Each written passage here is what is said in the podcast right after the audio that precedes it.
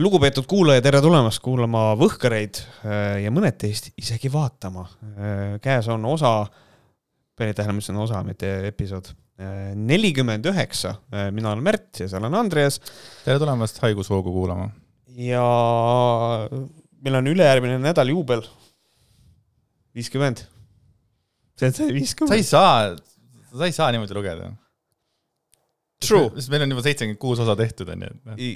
Jah. see tundub mulle nii veider hakata, et oo, me viiekümnest saada, no ei ole ikka ühti. no okei okay,, palun vabandust, meil ei ole juubelit, meil juubelit. on täiesti tavaline saade ülejärgmine nädal, ei mingit prillet ega prallet. kohe mulle... läksime tülli ära. ja tuleta mulle meelde, ma pean cancel dama paar asja siis ähm,. pärast Davai, kui sa cancel dad selle kuradi, kes pedofiil on, tolle cancel dad või?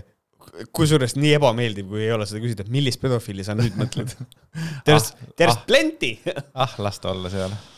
aga jah, tore, et te jälle meiega koos olete mm,. ega me ei hakkagi nüüd chit-chat'i ajama, vaid kohe läheme äh, sisse ja esimeseks selliseks väikeseks sissejuhatus äh, räägime sellisest asjast, et äh, meid on kaasatud viimasel ajal päris tahaks öelda mitmesse, aga tegelikult kahte äh, projekti. no kaks on juba mitu ja ka, kaks on juba mitu, et, äh, et reedel me käisime Märdiga äh, semiootika asja ajamas ja ütleme siis meid intervjueeriti ja, ja kogu see asi salvestati ja seda hakatakse kasutama, nagu ma aru saan, siis nagu õppematerjalina.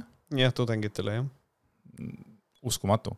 ja siis teine, teine niisugune asi on siis nagu Kertu Kirjaneni ülikooli asi, kus tehti nagu äh, võhkarite kuulajaprofiili, siis ta pandi paika. ja siis see ongi Tartu Ülikool, sotsiaalteaduste valdkond. ja Kertu Kirjanen jagas meiega seda enda mm, kokku pandud siis tööd jah, ja me saime loasid äh, mõned asjad teile ette lugeda, tegelikult me võisime kõik ette lugeda, aga me ei hakka teile tervet asja ette lugema eks näeb, äh, ma mõtlesin praegu, et võtame step by step, et ja, äh, võtame ja. siit äh, natukene midagi ja võib-olla midagi Patreonis näiteks ja. ja muidugi. niimoodi, et selles mõttes.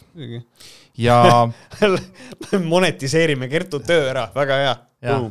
www.patreon.com, Vohkarid ähm, ja ma mõtleski, et hakkaks täitsa, ma usun, et teil on ka nagu tegelikult põnev kuulata nagu, et kas te lähete ka sinna sisse või ei lähe, et hakkame otsast peale siis tehtud intervjuude põhjal võib öelda, et Võhkarite kuulaja on Tallinnas elav liberaalse maailmavaatega kahekümne üheksa aastane naine, kes kuulab taskuhäälingut regulaarselt ja on kõik olemasolevad osad ära kuulanud.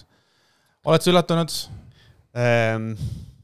jaa, olen küll. Äh, ma olen üllatunud äh, mitte vanuses, mitte soos, aga ma olen üllatunud sellest, et on kõik olemasolevad osad ära kuulanud, et nagu selline äh, keskmine kuulaja, ma ei, ma ei arvanud, ma mõtlen nagu sellest, vaat siin on see, ma võtan enda pealt ja nagu hui viitsin aasta aega vana osa nagu kuulata ikkagi äh, järgi.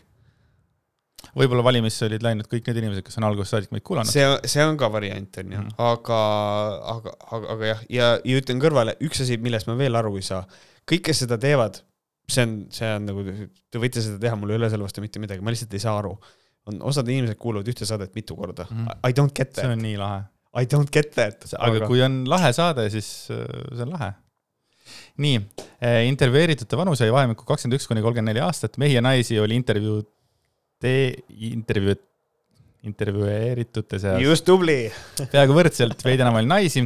üle poole vastanutest elasid Tallinnas või Harjumaal, siis oli mingi osa oli Tartus, onju, ja kaks kolmandikku vastanutest olid kõrgharidusega või oli neil kõrghariduse omandamisel kolmandikel vastanutest oli kesk- või keskeriharidus.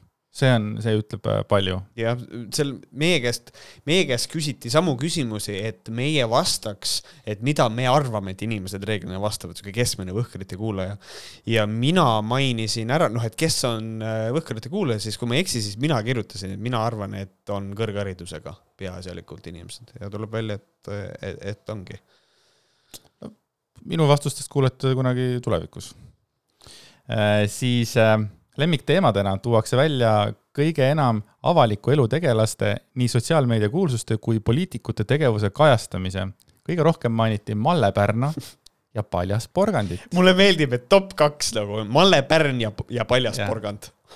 Paljas Malle e, või okei okay,, see nali ei tööta, never mind ei noh, ma mõtlesin, et kõik tuleb teine pool ka, et pallas, paljas Malle ja, ja Pärna porgand või? porgand, Pärna, Pärna porks, aga nope.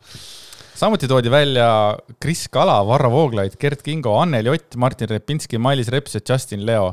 et äh, Anneli Otti ma ei oleks siit oodanud, sest Anneli Otti ma olen väga vähe kajastanud, aga ju siis see kajastus oli niivõrd mm -hmm. võimas siis see oli sellel kuumal ajal ka, see oli see kuum koroonaaeg, kus kohas, kui mingi poliitik julges avalikult välja öelda, et kas te olete vaktsineeritud ja ta ei ütle ei jah ega ei, ütleb, need on delikaatsed isikuandmed, et siis see ikkagi kõditas inimesed, ilmselt sellepärast on meelde jäänud. True.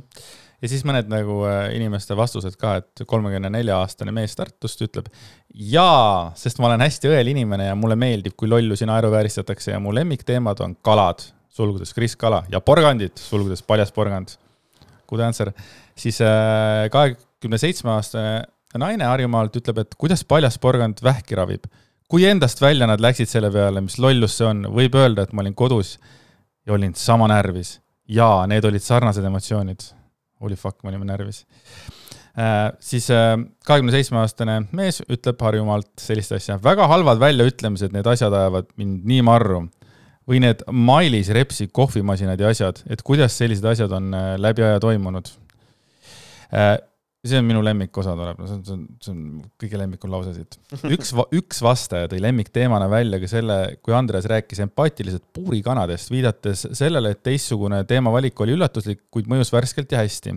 nii hästi rääkis sellest, see läheb rohkem korda, kui täiskasvanud heteromees räägib sellest empaatial põhinevast teemast võrreldes sellega, kui noor naine sellest räägib ähm, minu jaoks oli see üllatav selles mõttes, et kas, kas tõesti sellel on vahet, kes räägib sellest teemast? ikka on vahet jah, inimeste jaoks on vahet nagu selles mõttes, kui sul on, kui sul on, keegi räägib, et kuulge, et kas te viitsite, et mis te arvate sellest, kui kollektiivselt lõpetaks, ma ei tea, kananagitsate tootmise, et see on lihtsalt tibud, kes lähevad grinderisse ja siis nad hakitakse elusast peast tükkideks, et võib-olla me ei teeks seda et kui sellist juttu räägivad kogu aeg naised, äh, siis nagu sellel hetkel, kui ikkagi mees võtab sõna, siis see on kindlasti, see on nagu, nagu oluline. see on nii veider jah, et isegi selle teema puhul on mehe arvamus siis nagu kuidagi väärtuslikum või? ta ei ole väärtuslikum, ta lihtsalt annab selle signaali, et see on nagu, nagu sooline probleem. ja ei, ma saan aru sellest muidugi.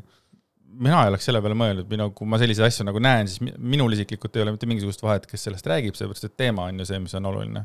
aga see on vahva, et see välja toodi mm, -hmm. see mulle nagu väga meeldis, kui niimoodi mind mainitakse mm,. teemadest, mis nii väga ei meeldi, tõid samas paljud vastajad taaskord välja Malle Pärna mm., kellest räägitakse veidi liiga tihti.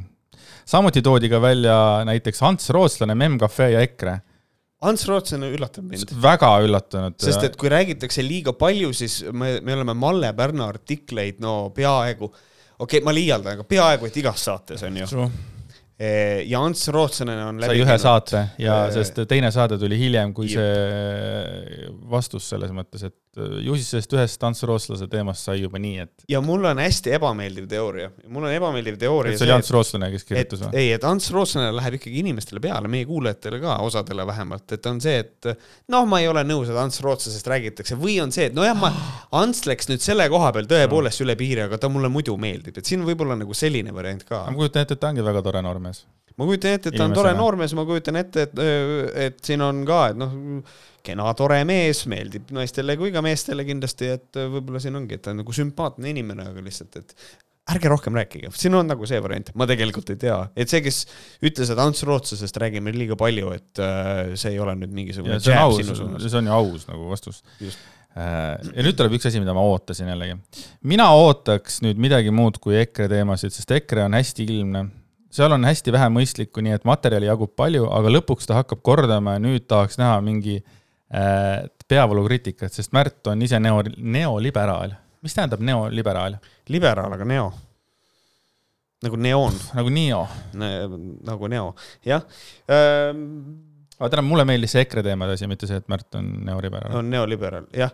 no selles mõttes, et äh, või nagu mõnes mõttes, see on asi, millega me oleme Andresega nagu, oleme kaamera kinni pannud ja kõik selle ja, ja, ja tegelikult oleme sellel teemal rääkinud, et noh, et, et siin ongi, et, et ei taha kunagi nagu jääda lukku ühesse teemasse, aga kui sul on niimoodi, et sul on week after week ja üks ja sama erakond lihtsalt konkreetselt hüppab ämbrist ämbrisse, et noh, siis nagu meie nagu saate ülesehitus või see nagu ongi nagu see, et noh, kurat, päevakajaline tegelikult peaks rääkima.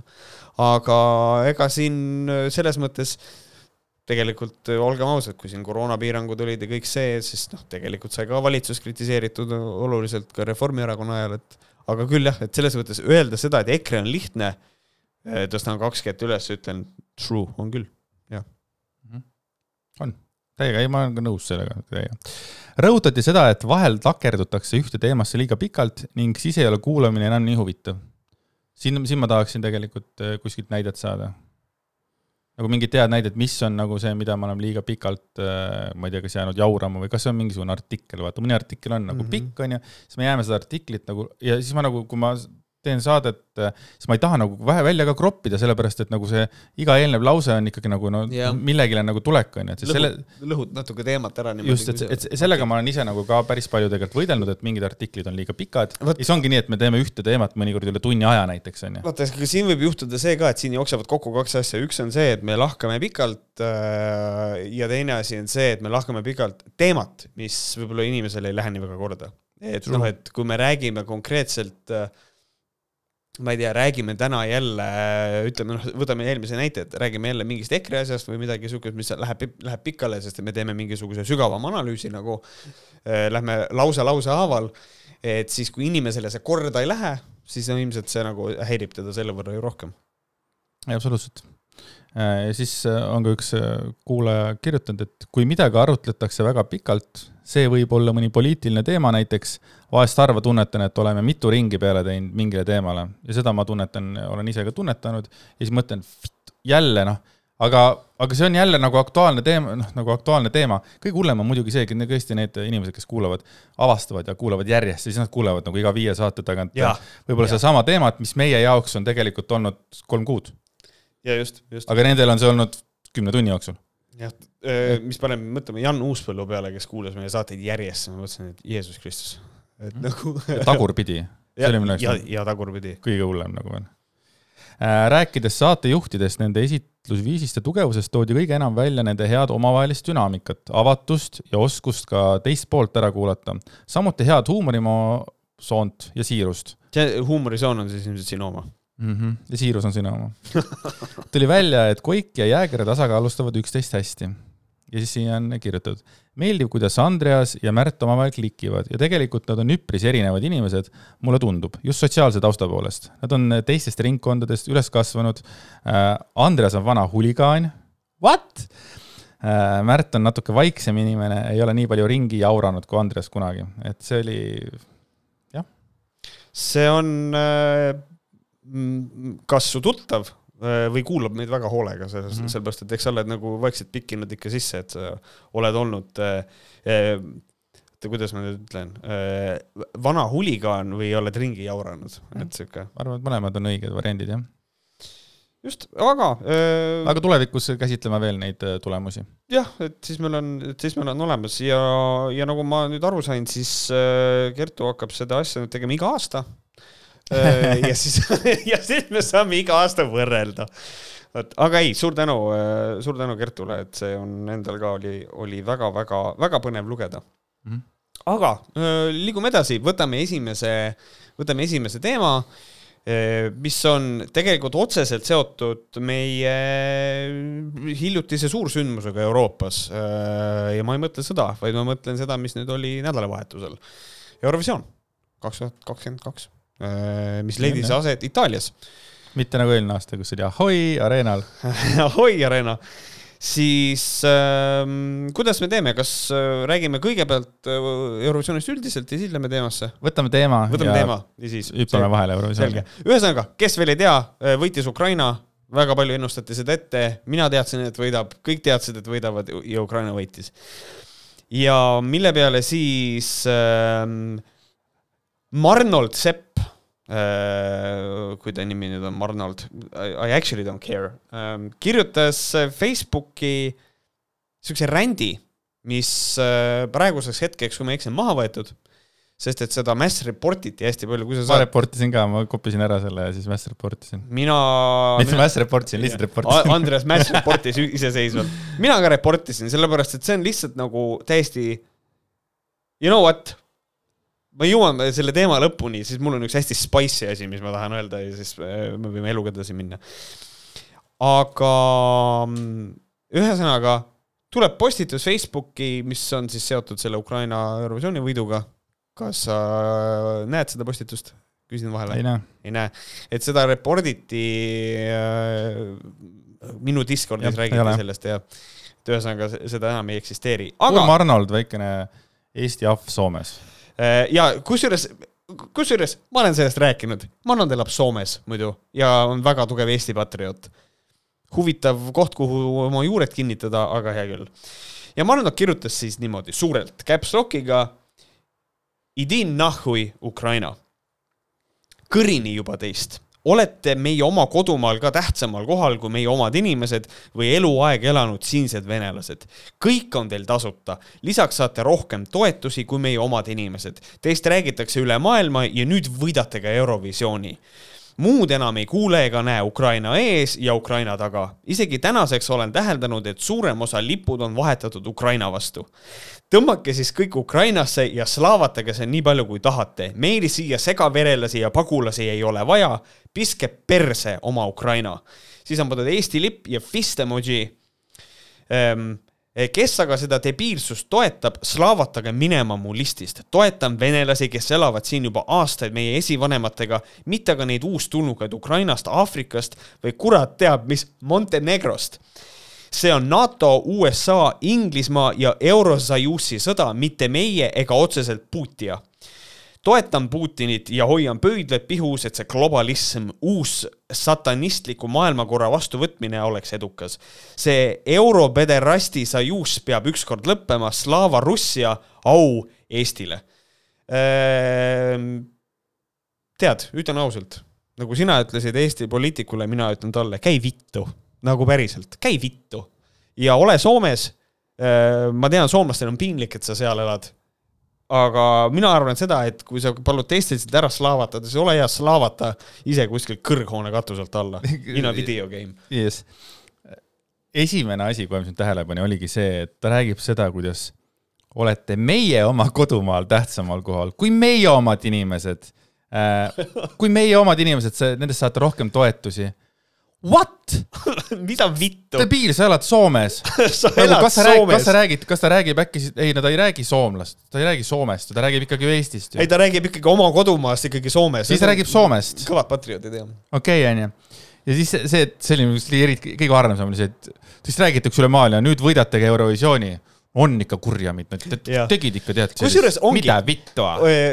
mina nägin, mina nägin ka seda, et mõned ütlesid, et, et kuidas sa saad olla Ukraina peale vihane, et nad võidavad Eurovisiooni, kui selle võitja otsustas telefonihääletus, mis toimus üle Euroopa. ukrainlased ei, ei võitnud nagu nagu ise, nagu selles mõttes, et ukrainlased ei, ei läinud, ei peksnud kõiki teisi laiali ja siis võitsid, see ei olnud niimoodi, inimesed otsustasid, sa pead olema vihane mitte Ukraina peale, aga oma kaasmaalaste vastu. ma ei tea, kas mm -hmm. siis mhm. soomlaste või eestlaste muidu. aga mul on tunne, et on lausa isegi, ta on nagu ukrainlaste peale pahane. ta on ikka ukrainlaste peale teist pahane. räägitakse ja nüüd võidate Eurovisiooni, et isegi mitte Ukraina peale, vaid nagu Ukraina inimeste peale, et arvatavasti see ta... vend, kes siin vaikselt tööd teeb Jep. või, või, või on pagulasena siin või mis iganes teeb siin, tema on ka süüdi selles mm. -hmm. võidate siin Eurovisiooni, tead et see on ikka täiesti, et see on ikka täiesti õudne nagu suhtumine, et nagu selles mõttes ja nüüd on nagu see koht, kus Arnold ütleb, ei, ta ei saa aru. mina pean silmas seda, et nad tulid kõik äh, siia Eestisse mööda Euroopat laiali, kõik hääletasid äh, Euroopas äh, nagu Ukraina poolt. tahad öelda, et siis nagu teised hääletasid vähe või? okei okay., kelle probleem see on? Noh, pluss rääkimata sellest, et suure tõenäosusega nende mobiilinumbrid on endiselt Ukraina numbrid, ehk siis nad ei saa hääletada enda poolt, aga see on, see on nagu suva. ja siis ma nägin siukse, siukest suhtumist ka. mingid inimesed olid vihased, et Ukraina ei andnud Eestile kaksteist punkti, sest et Eesti on nii palju aidanud Ukrainat ja nüüd vastust ei tulnud. ja need on needsamad inimesed, kes räägivad seda, et neile ei meeldi, et Ukraina võitis, et see võit on poliitiline. ja nüüd on nagu see, okei okay,, kumba sa siis tahad?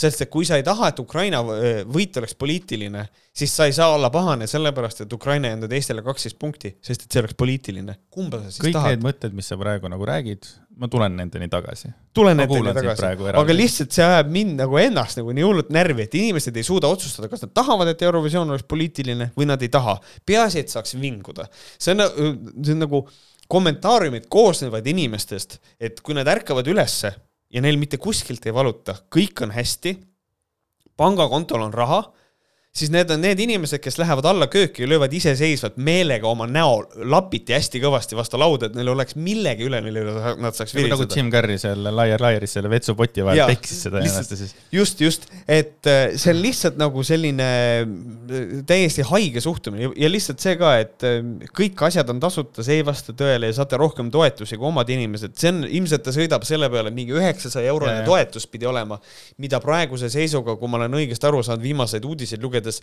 seda ei ole mitte keegi saanud siiamaani. ehk siis, ma ei tea, loe uudiseid rohkem, peavoolumeediast on vahepeal abi ka mm. -hmm seal Soomes. noh, see, et äh, tõmmake siis kõik Ukrainasse, slaavatage seal nii palju, kui tahate, sa kirjutasid jumala õigesti, solist läkski, võttis relva ja läks sõtta. sõjast ta tuli ja sõtta ta läks, onju. ja täpselt. siis meil siia segaverelisi ei ole vaja, et kas see tüüp ongi tegelikult äh, Tom Riddle või, Lord Voldemort, Lord Voldemort nagu või? segaverelisi, vittu, ma ei ole kuulnud seda.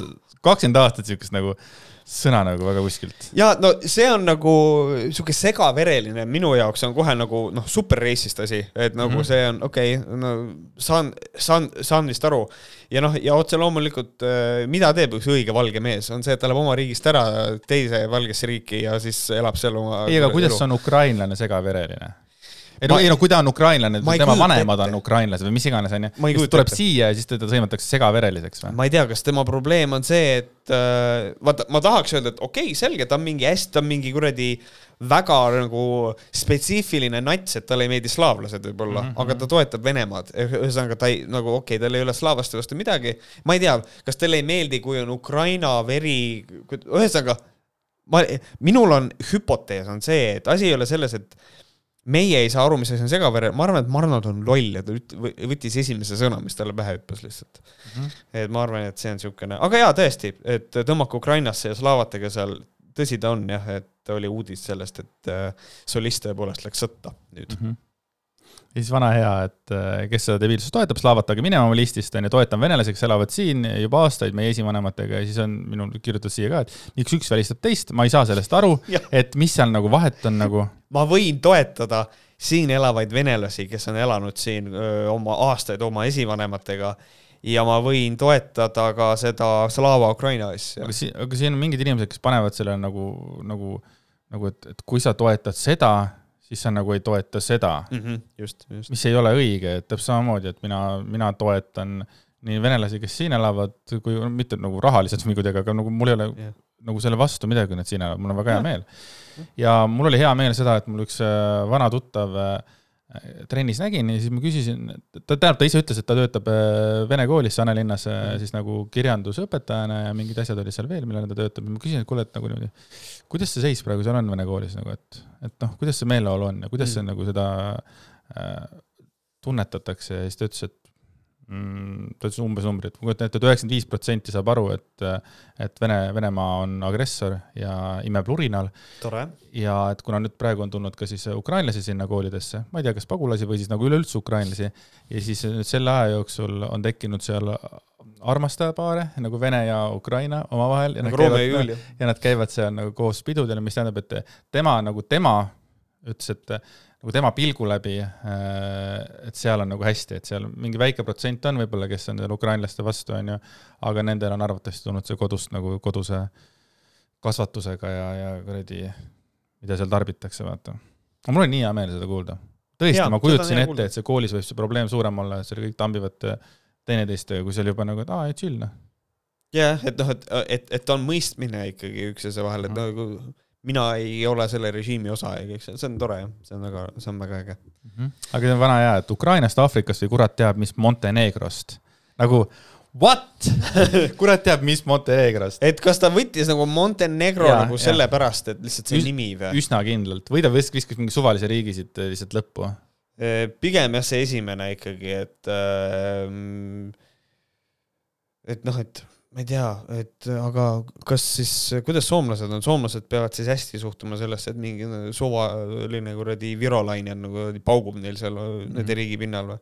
et nagu selles mõttes, et see võiks ka nagu, huvitav, kas ta nagu teab seda, et tegelikult meil oli siin, noh, üt-, võtame sõjaeelse aja, et noh, samamoodi nagu meil suhtuti sellesse odavasse võõrtööjõudu nagu, mis on Eestis, no ikka kergelt negatiivne mm -hmm. suhtumine, et soomlastel oli eestlaste suhtes täpselt sama kogu aeg. ma ei ole kindel, et see on muutunud, aga ma ei tea et see on ikka nagu, tead, tead, õndsad on vaimust vaesed, ütlen mina selle peale, et see on ikka, noh, ega ta ise ei tea seda ilmselt, et see on ikka. see on nõme jaa, et tegelikult, et sellised, sellised äh, sitapead nagu Soomes tekitavad maine ja, ja mm -hmm. nemad on ka tekitanud Kalevipoegade maine ja üldse selle nimetuse mm -hmm. ka, eks ole, et äh, ma ei tea, mida sa plärtsud seal? ja siis see europederast ja Zajus peab ükskord lõppema, siis mul oli küll niimoodi, et mida, millest ta räägib, kas ta jõudis tagasi Eurovisiooni juuni juurde? ja no ilmselt küll jah, et ikkagi see Eurovisioon propageerib väga ja ikkagi konservatiivide arvates väga sugust gei-värki, ähm, mis, äh, mis on naljakas, et nad teavad seda, järelikult nad vaatavad ikkagi. aga ma ei tea, see, see, see peab lõppema, no olgu, selge. ja siis lõppu muidugi kirjutas Slava, Slava Russia ja au Eestile on muidugi täiesti fucking oksüümoron.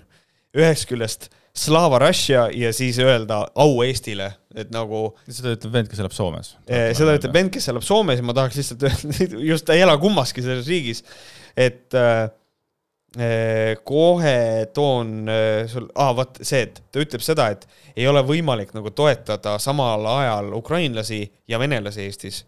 aga ise ütleb Slava Russia ja au Eestile. vot need on kaks asja, mida mm. ei saa tegelikult päris nagu kokku panna, tüüd. okei okay,, aga kuule, nüüd tuleb siis minu eh, Eurovisiooni süvaanalüüs oh. -oh.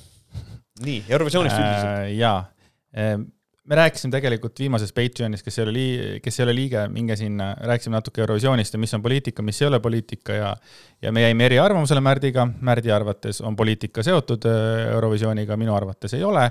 ja mina nagu enda sinisilmse maailmavaatega ütlen, et võitis parim laul ja ilma poliitikata.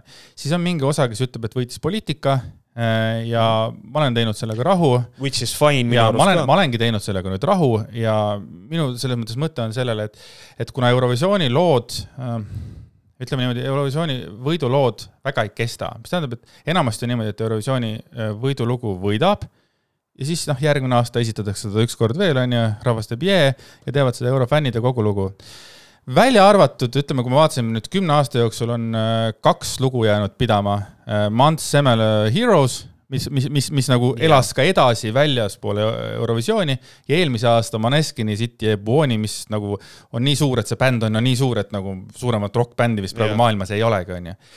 ja, ja kui nüüd nagu võtta seda, et Ukraina võitis seepärast, et poliitika bla,, blablabla, siis, siis, siis see lugu peaks tegelikult selles mõttes minu paberite järgi kaduma ära, sellepärast et siis see on nagu sellel hetkes, aga ma näen praegu, et raadiod mängivad, striimitakse äh,, Spotify'd, Youtube'id, kõik huugavad äh, nagu, nagu, nagu, nagu segased. mis tähendab, et see... no to be fair, siis äh, Eurovisioon just oli ka ja, ja aga juba enne oli see lugu, mis seda lugu tuleb praegu nagu igalt poolt ja ma võin oma mütsi ära süüa, et see lugu ei ole, mis nagu niimoodi nagu ära kaob, vaid ma olen sada protsenti kindel, et see on üks nendest kolmest loost, mis kümne aasta jooksul nüüd jääb äh, pidama. et äh, selle loo võlu, see, ma ütlen, mina avastasin selle loo niimoodi, et kui see, me kuulasime naisega Spotify'st neid, äh, mis palju neid lugusid oli, mis oli poolfinaalid ja kõik kokku mm, -hmm. me kumbki ei teadnud, et see on Ukraina ja see oli esimene lugu, mis me nagu oota, kuula, ja siis kuulasime, fuck, see on hea ja siis leidsime veel paar lugu, onju, pärast saime teada, fuck, see on Ukraina, onju. meie perekonnas on kolm inimest, kes rokivad selle loo järgi, mul tütar, tütrekene ütleb selle kohta roboti lugu, seal all tantsib seal üks tüüp, vaata siis mm -hmm. ta kutsub seda roboti looks nagu. et meie peres kõik armastavad seda lugu selle loo pärast ja, ja, ja ma jään selle juurde, et haletsusest, kui oleks Ukraina teinud sellise loo näiteks nagu tegi, kes oli see õudus? Jesus Christ, väga kohutav lugu oli sa mõtled see aasta või? jaa. millist sa nüüd mõtled? äkki oli Šveits või? üks üksik tüüp laulis. või, või Poola või midagi, et kui oleks olnud see lugu, on ju, ja oleks Ukraina olnud, siis Ukraina ei oleks võitnud. ja ma võin seda öelda nagu sada protsenti, et, et see inimesed ei hääleta, ma jään selle juurde, inimesed ei hääleta sellepärast, et neil on kellegist kahju, inimesed hääletavad selle poolt, kes neile meeldib. ja nüüd ma tulen žürii juurde, kuna tõstatati suur häda, hädakisa, et ma ei taha olla eestlane, sellepärast et Eesti žürii ei andnud Ukrainale ühtegi punkti. vittu, kui uhke ma olin selle žürii üle, sellepärast et need viis inimest, kes seal olid, äh, te mäletate, oli viis, võib-olla rohkem või vähem, nemad valisid need lood, mis neile meeldisid. Nemad on samasuguse Eurovisiooni hingega, nagu mina olen ja mulle õudselt meeldis see, et neile see lugu ei meeldinud. minule meeldis, mina andsin sellele hääle, eks ole, ja mina oleks saanud kaksteist punkti, seepärast mulle see lugu meeldis. Nemad ei andnud, võib-olla jäi sealt napilt nagu välja, mis iganes numbri jaoks on ju, ja mul oli, mul oli väga hea meel ja siis hakata kaak raaksuma, nagu sina ütlesid ka, et kas te tahate, et see on poliitiline või ei taha, et see on poliitiline. vahet ei ole, mis seal tehakse, on häda majas, on ju. nagu super, Eesti žürii tegi täpselt nii, nagu üks žürii peab tegema, ta valis need Jab. lood, mis talle meeldis. I actually agree. ja, ja, ja see, et äh, mina olin Ukraina poolt ja mulle see lugu kohutavalt meeldis, mulle väga meeldis see, et Eesti ei andnud selles mõttes, nemad näitasid seda, et nemad äh, hindavad muusikat, onju. ja siis oli teine häda, aga miks alati Rootsile kaksteist punkti on? nojah, sest me oleme elanud Rootsi fucking muusikasfääris fucking nelikümmend aastat. me oleme kasvanud üles Abba, Ace of Base'ide, E-Type'ide ja mille, mille iganes asjaga, Rootsi muusika meile meeldib. Rootsi no, lugu oli ka väga hea. just, noh, see ongi kõige olulisem, see, et iga iga-aastasena nagu lugu, onju. ja siis tuli järgmine häda seal, aga kes seal žüriis on ja siis oli Sven Lõhmuse pilt, oo kuradi, kes tema on. okei okay,, nüüd hakkame siis küsima Sorry, jätka mm. oh my god. et äh, võime öelda, et jah, auskriitika Lõhmuse vastu, et kes sa oled üldse, onju, et sa žüriis oled, onju, et sa, mis muusikast ka sina tead, onju. aga mina küsin seda, et aga kust see krediit lõpeb, kus see äh,. tere, Sven Lõhmus, kes see on? No, mida vittu? Ei no aga põhimõtteliselt see niimoodi on, aga kus see usalduskrediit nagu lõpeb selles mõttes, toome nagu lihtsalt näite, et kui äh, Sven Lõõmusel on kõige rohkem Eestit esitanud äh, eurolaulu, on ju, ta on teinud läbi aegade suurimaid hitte Eestis, on ju. võib-olla mõni laul on ka läinud, mis iganes äh, Urban Symphony läinud ka Eestis või välismaal peale ja nii edasi. kust lõpeb see piir ära, et tema enam ei ole ekspert? Nii, kas see on mingi üks aasta, kas see on viis aastat, kas see on kümme aastat, kas see tähendab, et, et ta peab olema teinud välismaa lugusid? okei okay,, aga kes siis peaks istuma seal žüriis, et see, kes nagu välismaal on läbi söönud? teeme rahvahääletuse selle jaoks. võtame siis niimoodi, Rosell, sihuke tüüp, tantsumuusika tüüp nagu Rosell, tema on praegu natukene kõlapinna saanud välismaal, kas tema peaks olema kindlasti žüriis? Sin Cole, kartuunitüübid, Vateva, kes peaks olema, sellepärast et hetkel ei ole ühtegi eestlast nagu, kes jagaks tegelikult biiti, siin on ainult mingid tantsumuusikud, on ju, aga siis on, kas see oleks siis au, et me lükk-, au aus, et me lükkame siis ainult tantsumuusikud, eks ole, žüriisse või, sest nemad teavad praegu, mis toimub, eks ole. et äh, kas, kas Ivar Must peaks istuma elu lõpuni äh, žüriis, kuna ta tegi ühe laulu oma elus? käed raudu. nüüd oled siin. kuna ta tegi ühe laulu oma elus, mis tegelikult läks kuhugile Everybody onju, ülejäänud teine hitt oli tal Tiiu Nukuke. That's it, kõik, Ivar Mustal on kõik onju. et kus me võtame seda, kes kurat peab seal istuma, mis tähendab seda, et Tomi Rahula, kas ta meeldib mulle või ei meeldi, tema valis need inimesed sinna žüriisse, kes seal on, eks ole. ja kui seal oli Karl Killing, Ariadne ja Sven Lõhmus, kelle kohta, eks ole, muudkui visatakse seda, see on aus, et te viskate nagu Sven Lõhmuse kohta heiti onju aga minu küsimus on see, et, et me ei, me ei leia nagunii konsensust, kes peaks seal, konsensust, kes peaks seal tegelikult istuma. Mm -hmm.. noh, kui, kui Tomi Rahula valis need, siis nii on, on ju, ja nii ongi, ei saa hakata, ma ei taha olla eestlane, et ajanud Ukrainale punkte, aga miks nad peaks andma, kui neile ei meeldi Ukraina lugu? ma ei saa sellest fucking ma ei saa sellest loogikast aru, vittu küll, ja super, super äh, žürii oli selles mõttes, kümme punkti žüriile annaksime. mitte kaksteist. just.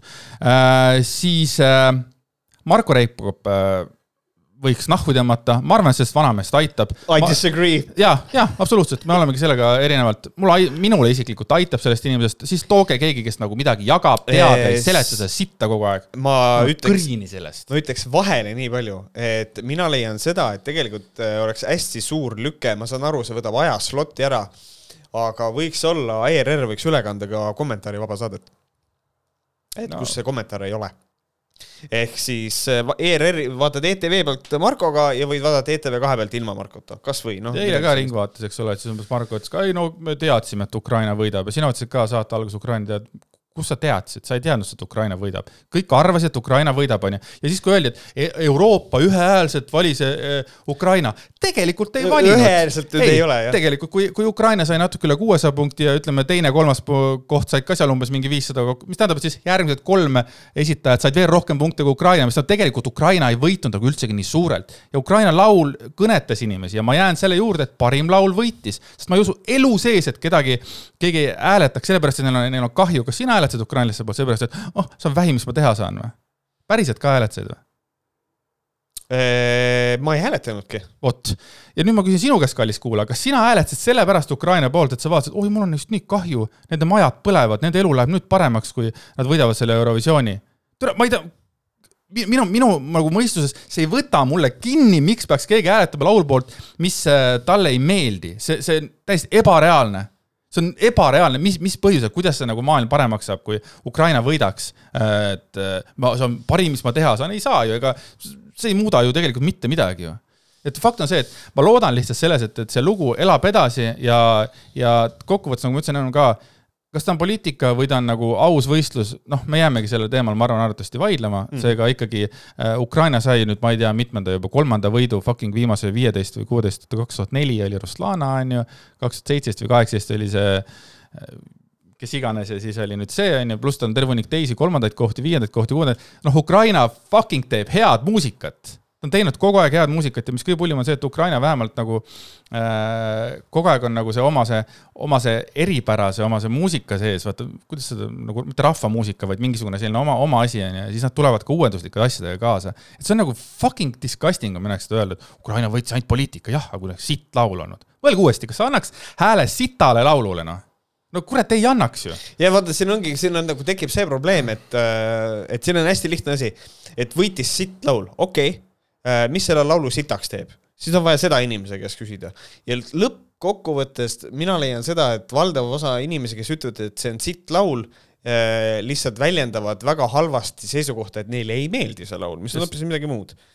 ma arvan, et see on niimoodi, minule Ukraina laul äh, tegelikult ei meeldinud, mulle meeldis refrääni osa, see kõik on äge, kogu see räpi osa mulle abs-, no, absoluutselt ei kõneta. Äh, mul on hea meel, et nad võitsid though.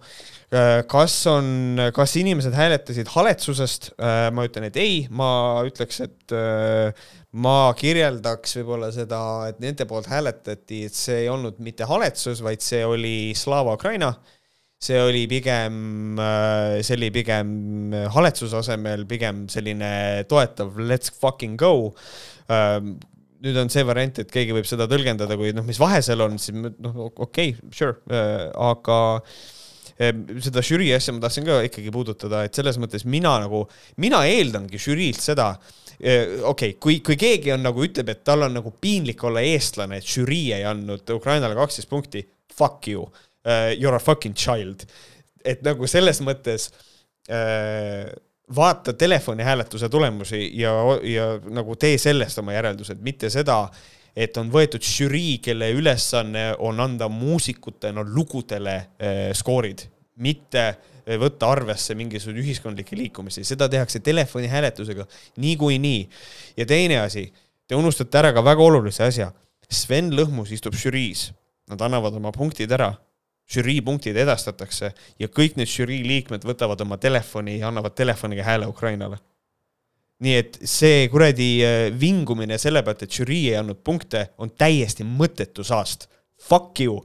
Ähm, ja üldiselt, kui minu käest küsida, et kes äh, minu silmis oli siis nii-öelda ma võib-olla läheneks, see on, see on nagu niisugune, millegipärast ma tunnen, see miiniväli ei, ei tohiks olla.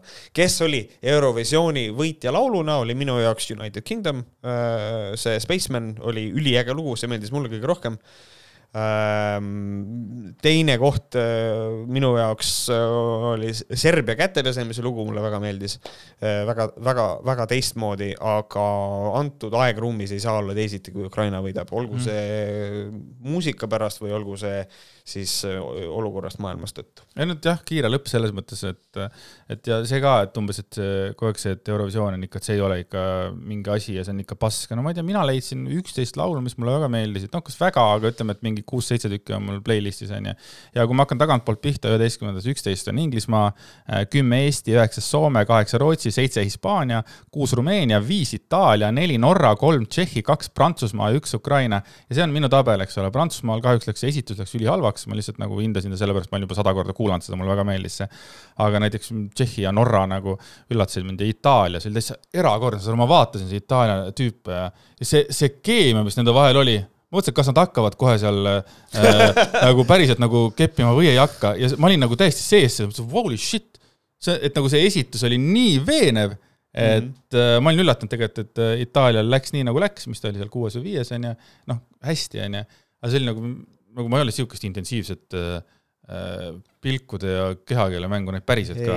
jah no,, seda küll jah, see oli, see geim oli, mulle lugu, noh, see minu jaoks lugu oli Snoozefest, aga, aga mis mind. Snoozefest, ahah, igavus nagu. ja, aga mis Sai. mind, minus tekitas jube suure pettumuse, oli vaheshows Mik-, Mika, et türa ta lipsinkis ja see oli no naeruväärne minu jaoks, et nagu selles mõttes, see oli, ma nägin Twitteris keegi, inglisekeelne postitus oli see, aga keegi ütles väga ilusasti, et me oleme just vaadanud tunde, mismoodi kõik on laivis laulnud. ma saan aru, muusika on fonos ja kõik, ma saan sellest aru ja seal, see on teatud põhjused ja kõik, aga me oleme vaadanud, kuidas inimesed laulavad otse ja siis tuleb Mika, kes on tegelikult nagu an actual superstaar. ja fucking kuradi miimib, no lõpeta ära, inetu ja kole ja siis keegi oli, pani sinna otsa veel see ka, et ajas mingeid riike omavahel green room'is sassi, ta vist ajas Hollandi ja Poland, et nagu ajas need omavahel segi kuidagi. jaa, ongi Holland, Poland. aga no ongi Holland, Poland, aga noh, see on pohhui, mul on sellest nagu suva, aga lihtsalt see, et nagu äh, kuidagi nagu lati alt läbi joosta niimoodi, see oli minu jaoks nagu inetu, ma ei tea, kas sellel oli mingi põhjus, et säästame saatejuhti või ma ei tea, mis asi. ma nagu kohe läksin, vaatasin mega Vikipeedia üle, et ju nagu ta on veel elus või kuidas see on, et nagu, sest et vend oli ju populaarne mingi kolmteist, neliteist aastat tagasi onju ja see ongi, siis ta oli, oli, oli tabelites ja siis mingi juba viimased mingi kümme aastat tegelikult ta üheski tabelis figureerib mitte, aga tal, aga talle saab ikkagi veel plaate veel, ma olin holy shit. nagu ta on veel elus ja kõige huvitavam selle asja juures oli see, et ta on põhimõtteliselt minu vanune. ja, ja kõige na- ja, ja nagu, nagu see minu jaoks on nagu ebareaalne see, et mõne inimese karjäär on lõppenud ja mina tunnen, et minuga nagu elu ja karjäär nagu saab kogu aeg hoogu ülesse mm. -hmm. no ma saan aru, et ta arvates, et ta elu ei ole lõppenud ja ma kujutan ette, et ta on nagu rahaliselt paremas seisus ja tal on rohkem võimalusi, aga see on nagu, see on nagu nii eh, veider mõelda või näiteks, kui ma Sanderi jutusaadet kuulasin ja Janar Talts käis külas, ta on nagu retired eh, korvpallimängija, onju. Mhm. Fucking, ta on kaheksakümmend kolm aasta laps, nagu minagi saad aru, ta, ta praegu mõtleb, mis eluga peale hakata, no ma olen nüüd treener, et nagu, et tema karjäär on jälle läbi ja see on nii veidrasse situatsiooni mm -hmm. paneb nagu minu iseenda nagu mõtlemast, kus ma olen või, või siis tekib küsimus minul seda, et kas ma olen nagu oma elus nagu vähe saavutanud, et ma kuidagi, ma tunnen, et minu lend võib-olla alles on minemas kuhugile, onju. või siis, või siis see on nagu pigem hea asi, et Äh, mina, mida ma tahan veel mainida, on see, et äh, Eurovisiooni naissaatejuht äh, teises poolfinaalis, tal oli sihuke wet look tehtud, nagu tal oleks juuksed märjad. see oli the hottest shit, mida ma olen veel pikka aega näinud. see on thing for Silvia Ilves veits. ei, ei vibe'i üldse samamoodi, aga. sa nägid seda sarnasust tegelikult nagu välimuselt, ei näinud? ei, ei näinud. mina nägin praegu..., ma lihtsalt nägin lihtsalt viisteist aastat vanemat Silvia Ilvest kogu nope, aeg. Nope. Äh, ja siis, aga mis mind üllatas, oli see, et Hispaania lugu, vähe sellest, et see sisaldas tõlkes äh, sõnapaari hüpnootiline pepp, äh, mis on minu arust väga naljakas, väga palju kannikaid, väga palju perset. ma panin tähele seda, et teleülekandes ei lastud sisse perset väga palju mm. ja siis ma sain aru, et ohoh, et kurat, neil on vist see Eh, telerežii, et keegi on sõnad peale lugenud, et kuulge, et nad siin lehvitavad oma kanni, aga ärme telekasse väga palju lase. ja siis on nagu, nagu sihuke nagu kahe vahel olek, et noh, kurat, et mõnes mõttes ma saan aru, miks ei taheta lasta liiga palju kanni telekasse, et nagu veits liiga palju kanni, aga teisest küljest see nende laulu point on nagu kann mm. ja siis ma mõtlen, kurat, ma, et et ma ei, ma ei oska nagu seisukohta. jaa, Hispaania laulu kohta ma ka nägin palju negatiivset, meil oli kodus oli abikaasaga niimoodi holy shit nagu, abikaasa vaatas seda, kui ägedalt nad tantsivad ja see on täpselt see nagu niisugune Lopezi stiili, panevad seal hullu yeah. ja, ja see, kuivõrd nagu ütleme, keskmine laul ja kuidas see nagu, kui see show on kümme punkti ja kuidas see nagu tõuseb nüüd nagu, see oli nagu, vaatasin, holy shit, kui hea see on ja ma saan väga hästi aru, miks Hispaanial nii hästi läks selles mõttes, et mm. see esitus oli ikka no nii väga-väga hetero et eh, ikka väga heteromehele nagu mõeldud ja nagu nagu kümme punkti, et selles mõttes oli nagu äge. vot, kuule, aga davai. Eurovisioonist nii palju. Äh, näeme järgmine aasta. põhimõtteliselt äh, üks teema on läbi võetud, nelikümmend kolm minutit on räägitud. väga hea. aga lähme liigume nüüd äh, idiootide juurde tagasi. ja siukene vahva mees nagu Tarvo Alev, also known as the ühe isa lugu, ähm, tegi Facebookis sellise postituse, mm, kus ta siis kirjutas hakkan looma Eesti järgmise aasta eurolugu. kui sa oled miski tont, ebard, täielik friik või muidu väga-väga õnnetu minevikuga, siis võta ühendust. kasuks tuleb seksuaalse orientatsiooniga kõrvalekalded. eriti hea oleks, kui tegu kas zoofiili, nekrofiili või pedofiiliga, ehk isegi kõik kolmest välimuses võiksid esineda nii mehe, naise, koera kui ka hiire baklažaani selged tundemärgid. viisipidamine pole oluline. kas võiks olla kas äh, üle kahe meetri või siis alla ühe meetri, võib-olla ka täiega ülekaaluline või alatoitumisega. kui kirjeldusele vastava isiku leian, siis luban, et toome võidu koju. ega ma laulu kirjutada ei oska, aga nagu näha, siis ega teisedki ei oska ju, ükskord me võidame niikuinii. ja ma nägin seda postitust ja ma mõtlesin, et Tarvo Alev on lõplikult ära keelanud, keeranud.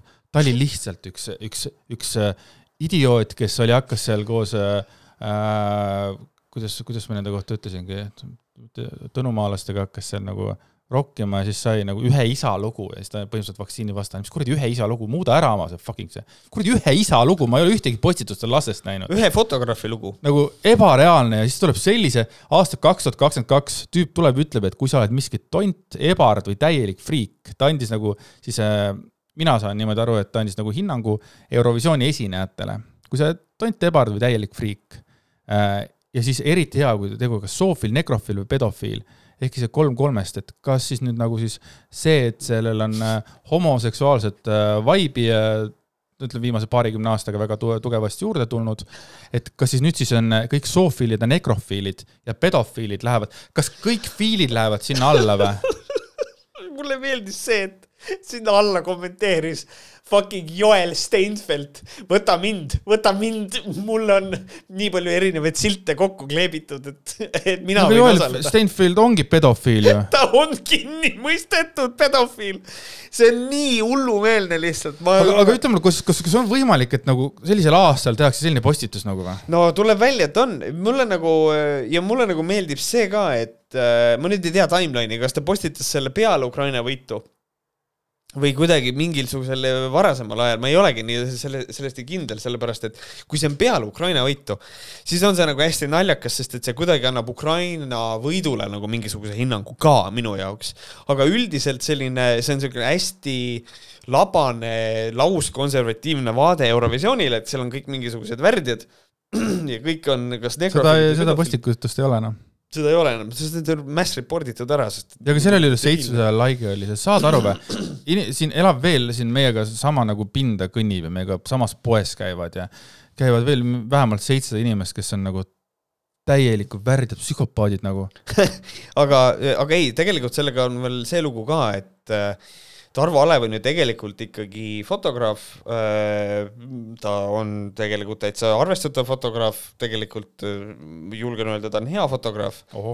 aga tal vist oli, kas see oli Vapiano või kellega tal oli mingisugune koostöö mm. -hmm ja Vapiano, kes küsiti, et kuulge, et tegi siukse postituse, et kas te olete sellest teadlik ja Vapiano lõpetas temaga koostöö ära kohe peale seda et äh, siin. aga Vapiano, ega Tarvo Alev ei ole ainukene, kellega Vapiano teeb koostööd, kes on uhhuulased, et seal oli ja, veel oli ja. mingi, et see Vapianol on mingi veider süsteem seal toimumas. ja et aga noh, tegelikult siin ongi nagu see, et Tarvo Alev ilmselt varsti saab hakata jälle cancel culture'ist rääkima, et, äh, et, et sihuke, et, et Vapiano kohe lõpetas temaga koostöö ära igatahes see on minu arust üks postitus, mis solvas nagu kõike, kõiki mm. rõvedalt ja ma ei, ma ei, ma ei kujuta ette, et sellised inimesed oh, elavad siin. rääkides Vapianost, nüüd tuli seoses Vapianoga meelde. mul oli väike spicy take. see ei ole väga spicy tegelikult, aga mina läheks nii kaugele ikkagi. ja ma ütleks seda, et kõik need inimesed, kes on kuidagi jube pahased, et, et Ukraina võitis Eurovisiooni äh, ja pahased, et Eesti äh, ei saanud Ukraina käest kaksteist punkti. Ja need inimesed, kes äh, jätkuvalt iga aasta ikkagi avastavad, et jumal küll, et Eurovisioon on kuidagi homoerootiline ja ma ise ei vaata seda, aga kogu aeg kommenteerivad ja siis teevad selliseid postitusi. Ja kes postitavad seda, et idi nahhu Ukraina. ma arvan, et need inimesed, mul on hüpotees, on see, et need inimesed on kõik peast värdjad. Ja, ja ma kasutan neid sõnu väga meelega et ma, ma kahtlustan, et need inimesed on peast värdjad. ma arvan, et see ei see ole, igatahes siin, siin toas ei ole isegi mingi kahtlustus, vaid ma kirjutan alla sellele samamoodi. okei okay., aga. peast värdjad, jah aga siis äh, lähme siis sellest äh, ühe isa loost äh, järgmisele teemale edasi, mis on äh, noh, kuna siin mainisime siin vaktsiinivastaseid, siis räägime vandenõuteoreetikutest ja räägime vandenõuteoreetikutest siis sellisest äh, Eesti ühest tuntumast, kelleks on siis ei keegi muu kui Jüri Lina Joosep Tiks on kirjutanud Eesti Ekspressi pika artikli. erakordselt hea artikkel, super Joosep. väga hea artikkel ja põhimõtteliselt siis just nimelt Jüri Linast, et käis kohapeal, käis kuulamas ja kirjutab siis nõnda. Tartus kuulatakse Jüri Lina lausa kolm tundi jutti. Keegi ei nihele, ei haiguta, ei vahi telefoni. milline oskus on Linal publikut köita, nende tähelepanu hoida? Linal on teooria ei, lausa tõde, sest tema teooriaid ei usu, vaid räägib ainult faktidest. miks algas sõda Ukrainas? varjatud äh, teadmise lahtimuukimise eel on soojenduseks aga to äh, tosin muudki saladust. miks keegi sellest ei räägi, küsib Lina peaaegu iga paljastuse lõpus, mis on sa, hästi levinud asi. miks sa arvad, et miks sellest keegi ei räägi? Äh, sest et see ei vasta tõele mm.. sest et äh, sellest räägitakse ainult kuskil kahtlastel koolitustel mm.. aga ta... see on vana hea tõnumaalaste take iga asja peale, miks ja. sellest keegi ei räägi, noh, sest see no mis ongi vast... see, et äh, Andreas on ju tegelikult printsess Diana poeg, miks sellest keegi ei räägi? noh, see täpselt sihuke vibe. miks aga mingil põhjusel ma ei sobinud sinna perekonda miks varjatakse, et suurt pauku polnud tegelikult olemas? et evolutsiooniteooria ei vasta tõele lina näitab kaadrit ära keelatud filmist, kus selgub, et viirused on hoopiski head, sest viivad rakkudest mürgid välja. Ja publiku lemmikteema, lina ütleb, et koroonamaskist saab argoonimürgituse või oli see titaanimürgitus. päris selgeks ei saagi, mis on valesti, kuid eh, mingit valskust keegi kuskil korraldab. alati on midagi kellegi poolt kiivalt varjatud. Õnneks on saladustele küüned taha saadud, maailma tarkades teadmistes ja arhiivides tuhlanud Indiana Joneslik Jüri Lina mm. -hmm. et Jüri Lina on mõnes mõttes võrreldav sellise tal ei ole, ta ei ole küll nii vali ja nii solvav, aga noh, ta on niisugune Alex, Alex Jones'ilik tegelane nagu selles mõttes. selles mõttes, et ma nüüd küsin nagu sinu kui tavainimese käest, kas sind tegelikult kotib, et kas suur pauk oli olemas või ei olnud? ei, mind ei huvita. ja evolutsioon ja teooriad ja tegelikult, kas maailm, maakera on lame või ei ole, et, et on mingid inimesed, kes on selle peale pannud kogu oma aja, paljud on ka arvatavasti pannud kogu oma raha ja mis iganes mm -hmm. asjad, et leida mingit tõestust, et nagu seda ära tõestada ma mõtlen selle peale, kuidas minu elu muutuks või kas ma mõtleks oma kogu elu perspektiivid ümber, kui ma saan teada, et suurt pauku ei olnud olemas? Äh, ilmselt mitte. Äh, kui tuleks välja, et maa on lame, siis ilmselt mõtleksid, äh, siis ilmselt see oleks ikkagi suur, väga suur nagu muutus tegelikult. küll jah, sinu igapäevaelus midagi ei muutu, aga noh, kui tuleks välja tõesti, et maa on lame, siis ilmselt see oleks väga suur. ei no see ei saa välja tulla, võib-olla sellest mul ongi nagu lihtne nagu loopida nüüd. jaa, absoluutselt, jah aga et suurt pauku ei olnud olemas, äh, ma ei tea, kuidas, mis see alternatiiv on, aga noh, see selleks. aga see ma ei usu, et see nii väga oluline on, sellepärast et no tegelikult ongi see, et niisugune kaheksast viieni inimene, kes käib tööl, tal on pohhu, kas maa on lame, ümar, kandiline, tal on suva, kas suur pauk oli olemas või ei olnud. ja tegelikult sorry, aga tal on pikemas perspektiivis ka suva sellest äh, Äh, kuradi, kas meil on, kas kuu peal on käidud või ei ole. Mm, -hmm. et äh, asi on nagu ikkagi ju väga nagu, tal on muud asjad on tähtsamad tegelikult, et selles mõttes su see püstitus on, on, on suht ikkagi õige nii, äh, kogu tõde vaktsiinidest, kas teadsite, et Bill ja Hillary Clinton kutsusid Tahitilt teemonid välja? miks see peaks kedagi kotima, mis seal vahet on? ja ma kohe esimese asjana mõtlesin seda, et aga kui ma olin väike, ma ka vaata, teadki, mis on see board või mis on vaata siis. ja board jah. kas oli mingi siuke asi, et nagu vana daam, tule välja või mis iganes asi, et mm -hmm. ja siis mingi, ma ei tea, mingeid asju tehti ja pimedas ja nagu, nagu Bill ja Hillary Clinton kutsusid Tahitil teemoneid välja. okei okay,, jumala pohhu, aga teeme näo, et see on tõsi so what, who cares? nagu, kas mul on täiesti pohhu, et Bill ja Hillary Clinton kutsusid Tahitil teemoneid välja. jep, täiesti nagu... suva. jah, ok. Ehm, või et mõlemad maailmasõjad olid inglaste korraldatud. või kui mõni teadlane avastab midagi uut, tuleb FBI ja lõhub tema mikroskoobi ära. see on nii armas nii tore, jah ja, ja kõiges on süüdi globalistid, võimueliit, juudid, vabamüürlased, Euroopa Liit, MI6 ja Eesti kakssada. mis on aus? Ja samas Eesti kakssada on tõesti kõiges süüdi. Ehm, tundub küll väga erinev seltskond, kuid lina jutt ühendab nad kergesti tervikuks. lina räägib haigustest, bioloogiast, viirustest. viimased tekivad üldse inimeste enda rakkudes ja olevat väga head. see on Hando Tõnumaa, Tõnumaa põhiargument, kogu aeg ta räägib seda inimeste enda rakkude teemast ja vaidles ka kunagi Irja Lutsariga seda, et ja Irja Lutsar ei saanud talle vastu, sest et kuidas sa vaidled inimesega, kel ei mahu sinna pea kolusse midagi, sest et üks inimene, keda ta usaldab, ütles seda. kes teab, äkki see oligi Jüri Lina ma üldse ei imesta seda, et see võis olla Jüri Lina, kuigi noh, ma arvan siiski, et seal on mingisugused niidid, et see on mingisugune noh, kindel seltskond, kes seda juttu ajab, vaata. jah, ma arvan küll. seda inimese enda rakkudes äh, teemat. aga võib-olla tuleb välja, et võib-olla Jüri Lina on, on kõige isa, the mastermind. jah, Hanno Tõnumaa taga või? jah, et tegelikult on, seal on vandenõuteooria. Jüri Lina on kõige taga. tapavad mürke inimeste rakkudes, viirused siis jutumees on lugenud ühte artiklit ajakirjast Nature ja viitab sellele lausa kolmel korral. Nature, kas meie arstid ei loe üldse seda? sõnab lina etteheitvalt. Kassio Šakti Šamatailo luges, luges ühte podcast'i ehk siis kuulas ühte podcast'i ja tema oskab nüüd vähki ravida. jah, et et selles mõttes on kasu tegelikult ühe asja lugemisest või äh, kuulamisest. on life changing. on tõesti. just viirustesse on lina teada peidetud maailma allutamise plaan kui hetke eest olid need igati kahjutud ja loomulikult siis järsku saab nendest relv inimkonna allutamiseks. Ja nüüd, ja nüüd, nüüd tuleb see minu kuradi lemmikosa, mis on noh, lihtsalt noh, see on lihtsalt kurb mm,. ei, see on äge. Hispaania gripp sai alguse üksteist märts tuhat üheksasada kaheksateist ja Covid üheksateist samal kuupäeval, kahe tuhande kahekümnendal aastal. nii ta väidab ja see on lina sõnul kood seekord ta muidugi ajakirjale Nature ei viita, seal kirjutaks tõenäoliselt, kumbki haigus ei saanud nendel kuupäevadel algust. näiteks me ei ütle ju Covid kakskümmend. see arv tähtede taga on ju aasta järgi ikka üheksateist. et nagu see on jumala õige. ma ei tea, kuskohast sa selle Covid, see number, ma ei tea, ma tahaks, ma tahaks olla nii meelekindel, et ma lähen äh, inimesed maksavad kümme euri, et tulla mind kuulama ma panen PowerPointi käima ja lihtsalt ainult täielikku seosetut. ja, aga ma kujutan ette, et sa oled juba jõudnud tegelikult oma eluga nii kaugele, et ma kujutan ette, et sa saaksid seda teha. hea mõte, me räägime pärast sellel teemal ka siis. ent lina, lina jutt teeb pöörde. viirus kui peamine pahalane kaob tagaplaanile ja asemele tulevad vaktsiinid. anna hea. sada miljonit suri, ütleb lina. kahes gripis või vabandust, kahes riigis polnud Hispaania grippi, väidab Lina, Kreeka ja Egiptus. ja miks? Neil polnud raha USA vaktsiini ostmiseks.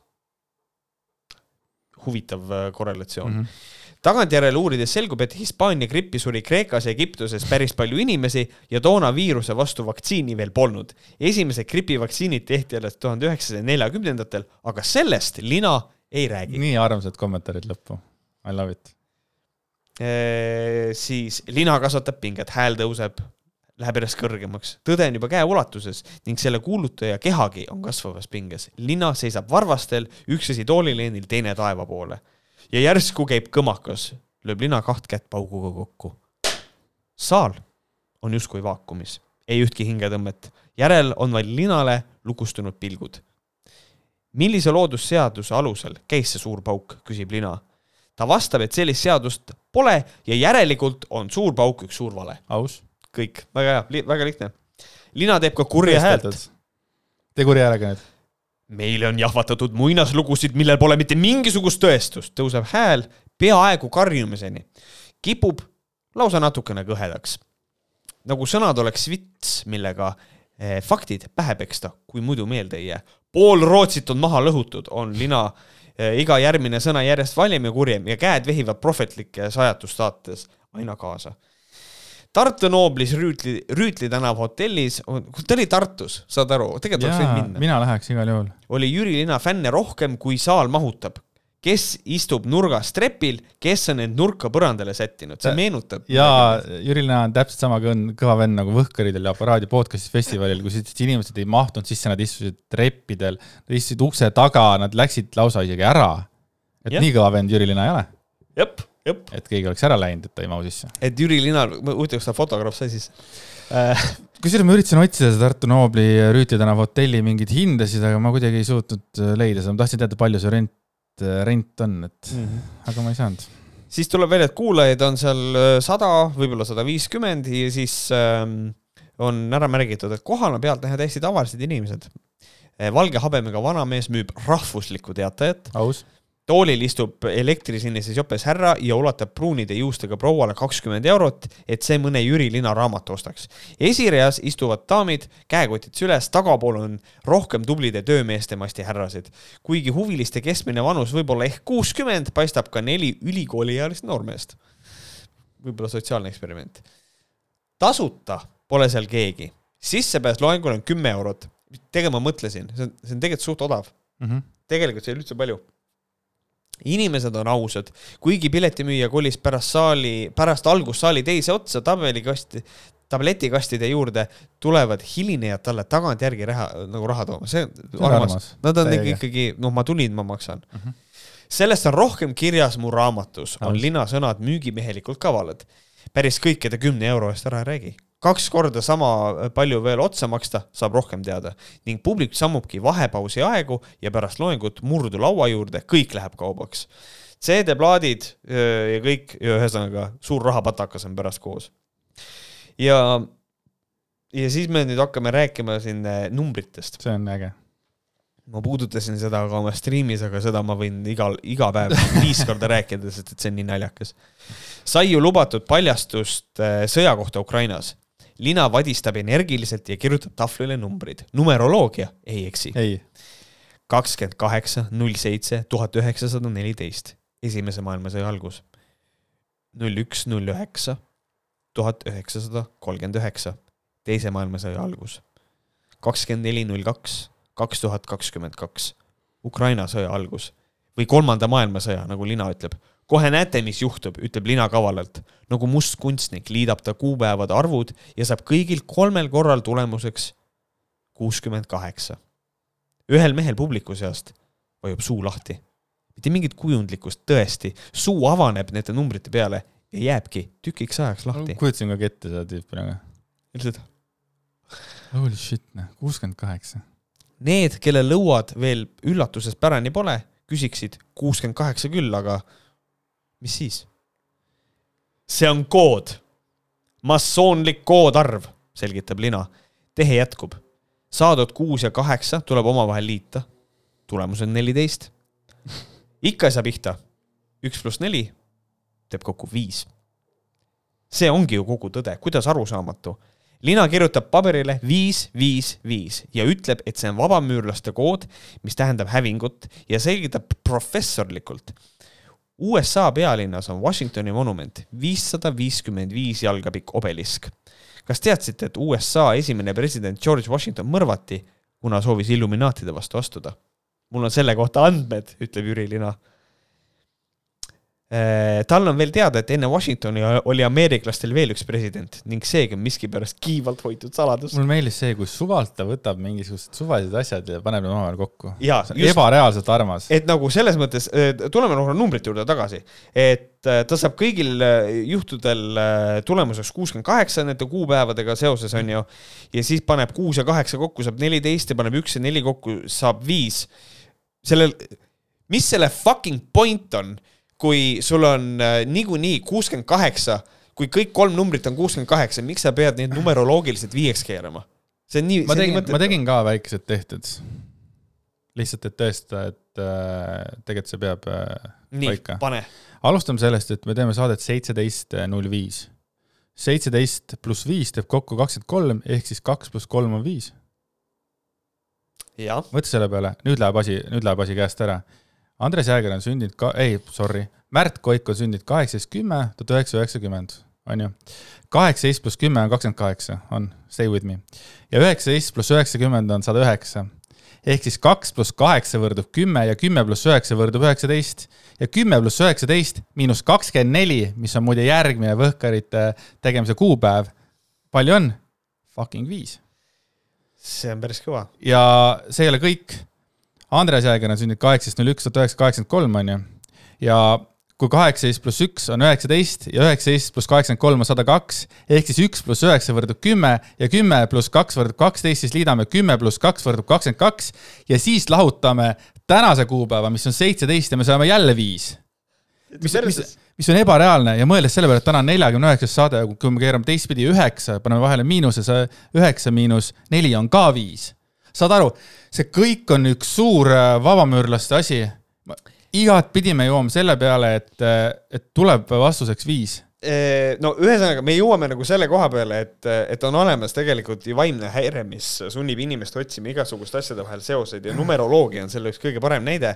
et mul ei ole nagu südant, aga ma pean seda ütlema, et minu sünnikuupäev on, on kaheksakümmend. oligi kaheksakümmend, sorry, ma ütlesin valesti, ma alguses hakkasin ütlema kaheksakümmend üks, tegelikult ongi kaheksakümmend.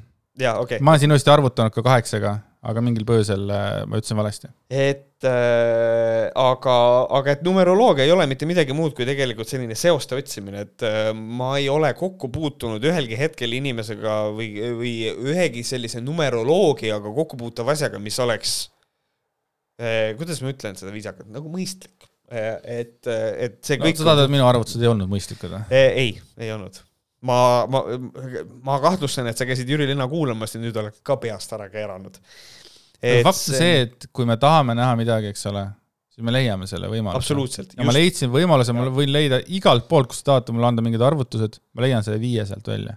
Sellepärast, et nüüd, kui me lähme nagu selle jutu juurde tagasi, nende numbrite juurde, siis tõepoolest, et noh, ta on, see on nagu see, et tal on mingi koht, kuhu ta tahab jõuda ja siis ta liidab ja lahutab ja teeb noh, kõike seda, mida ta tahab, onju. Mhm. viis, viis, viis on see vabamüürlaste kood ja häving tõestuseks toob see selle, et Washingtoni monument on viissada viiskümmend viis jalga pikk. täiesti loogiline ju. ja siit edasi ta läheb selleni, et Washington mõrvati, kuna ta tahtis Illuminaatide vastu astuda, ehk siis ta jõuab selleni, et see on kood, aga miks see kood on, ta selleni ei jõua. seda ei eksisteeri this is over. et no mulle nagu tundubki see, et ta pani, võib-olla leidis selle vii-, viied, pani need viied omavahel kokku ja siis mõtles, huvitav, kas on kuskil mingisugune landmark, mis on viissada viiskümmend viis jalga või meetrit pikk, leidis ja ühesõnaga see, ühesõnaga see on, see on psychosis, see on, see on crazy ähm,. Ah, kuidagi hüppab jutt ka selleni, et venelaste Z on Zion ja V on Victory, nii nagu Iisrael olevat kuupäevase sõja ajal tuhat üheksasaja kuuekümne seitsmendal aastal oma sõjamasinatele kirjutanud. ja Venemaa ründas Ukrainat, kuna Krimm tahetakse anda juutidele, et seal taastada Kassari riik. selles ongi siis see point siis? see on siis tegelik point aga siis autor on võtnud ette ühe väga toreda siukse väikse projekti, on ka teinud numeroloogiat Eh, kindlasti on maailmas pahatahtlikke tegelasi, kes teavad, et Jüri Lina on sündinud aastal tuhat üheksasada nelikümmend üheksa ja kui palju on üheksateist pluss nelikümmend üheksa? kuuskümmend kaheksa mis on siis kuus pluss kaheksa on neliteist ja see mm. annab kokku viis. kui see pahatahtlik tegelane oleks eriti tähelepanelik, siis märkaks ta, et Lina sünnipäev on kolmeteistkümnendal oktoobril. kui palju on kolmteist pluss kümme? vastus on kakskümmend kolm ja palju on kaks pluss kolm? viis. vot kus lugu. miks Jüri Lina sellest ei räägi? Ehm, miks sellest ei räägita? et miks sellest ei räägita ja siis äh, publikust, ähm, publikust äh, ol, olevat tulnud äh, ka natuke protesti. On siis, et õnneks publik ei ole pahatahtlik.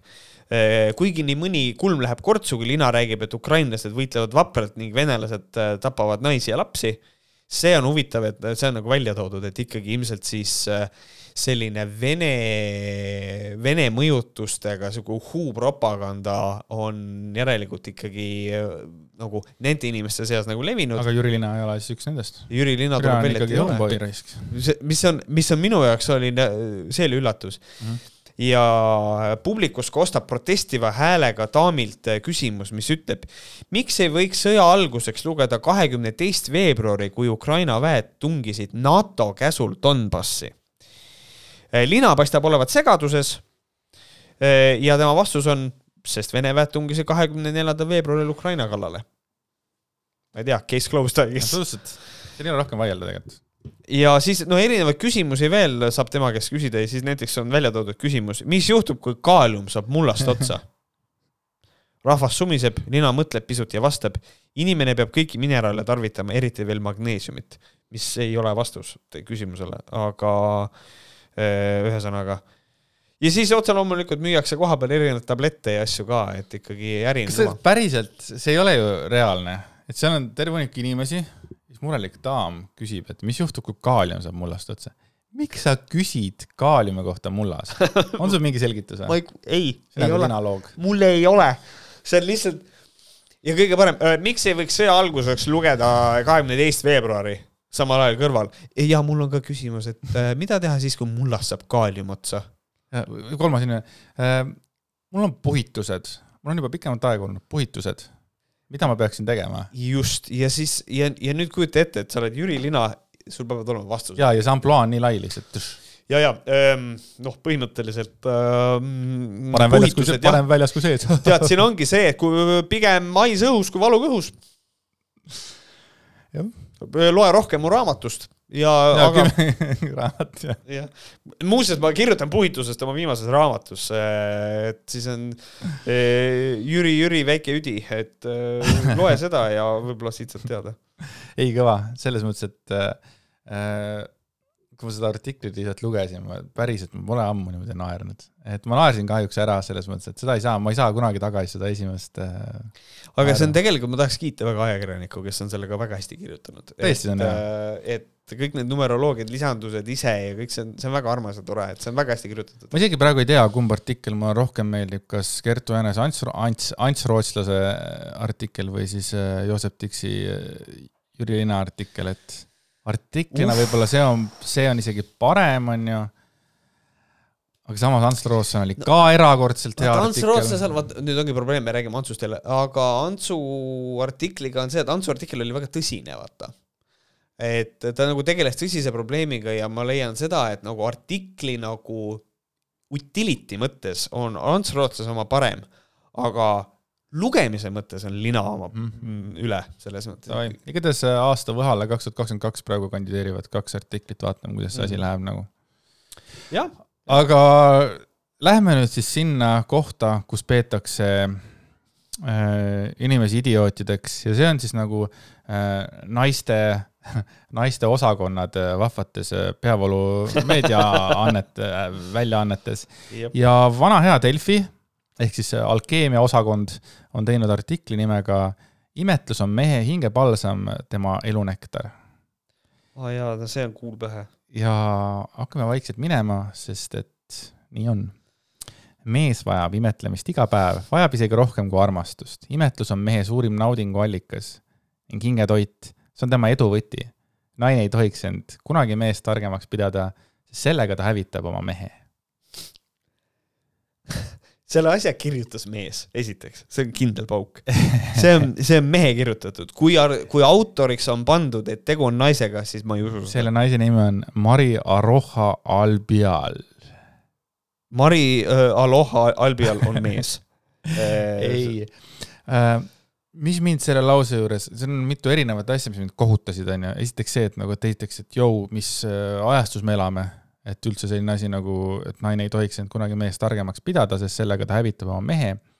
ja teine küsimus oli mul, kas ta ei tohi seda mehele öelda, et ta on targem või ta ei tohi ennast pidada. kas me oleme juba niisuguses, kas ta on sellises kohas, et naine ei tohi isegi nagu mõelda selle peale, et ta on meest targem või? ja, ja, ja see hävitab mehe, et naine on, ma ei tea, naine kas mitte millegis? Ah, see, ei, see on niimoodi, nad lahendavad ristsõna, mees lahendab ristsõna yeah.. kurat, mis asi see on, seitse tähte? ma ei tea, ma ei tea. naine läheb teise tuppa, seitse tähte, mõtleb välja selle sõna. Ja siis mõtleb, issand, kas ma olen targem oma, kas ma olen oma mehest targem ja samal ajal mees teisest toast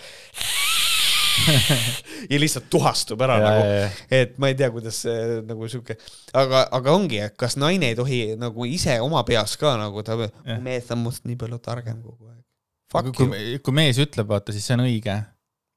et see on nagu see teema vist. Äh, ma, ma tsiteeriks Varro Vooglaidu ja ütleks, et äh, mees ja naine peavad üksteist täiendama. ja aga kuidas naine parafraseeriks, ma ei tea, ta vist tsitaati pole.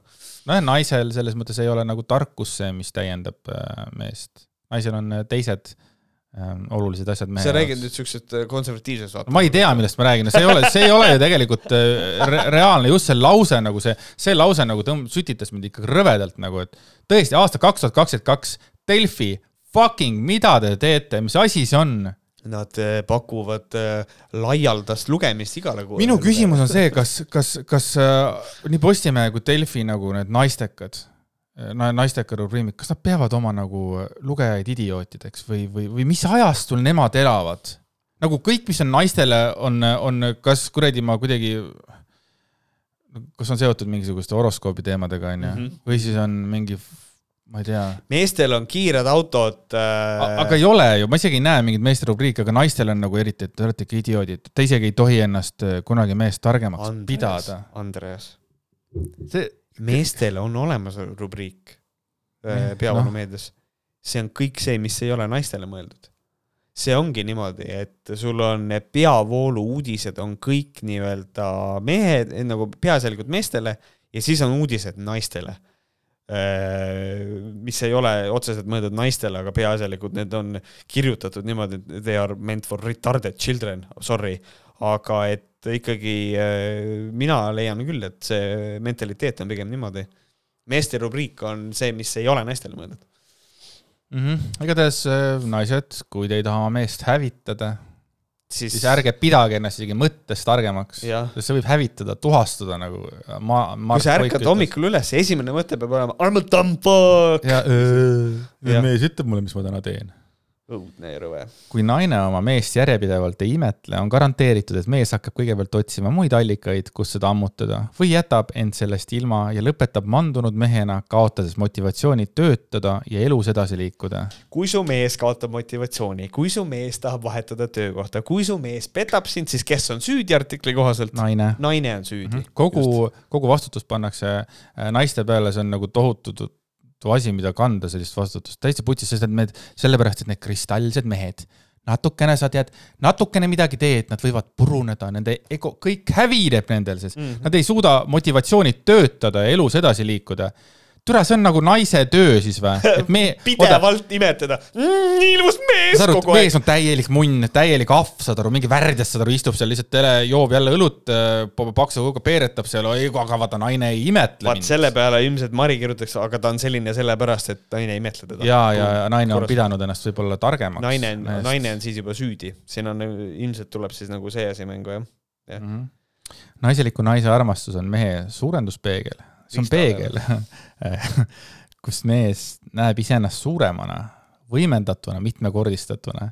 mis on mis on huvitav pull, selles mõttes, et et muidu tegelikult nüüd tuleb välja, et mees on mingi väikene sitaratas. mina lugesin nii välja, mitte nagu seda ei ole öeldud. tegelikult nüüd, mees on väike ja mõttetu. jah, aga nüüd ütleb, et aga naine teeb, ta on suurenduspeegel, kui muidu ta on lihtsalt mees, siis ta on praegu suur võimendatud, mitmekordistatuna, mis see tähendab üldse, mees näeb ennast mitmekordistatuna.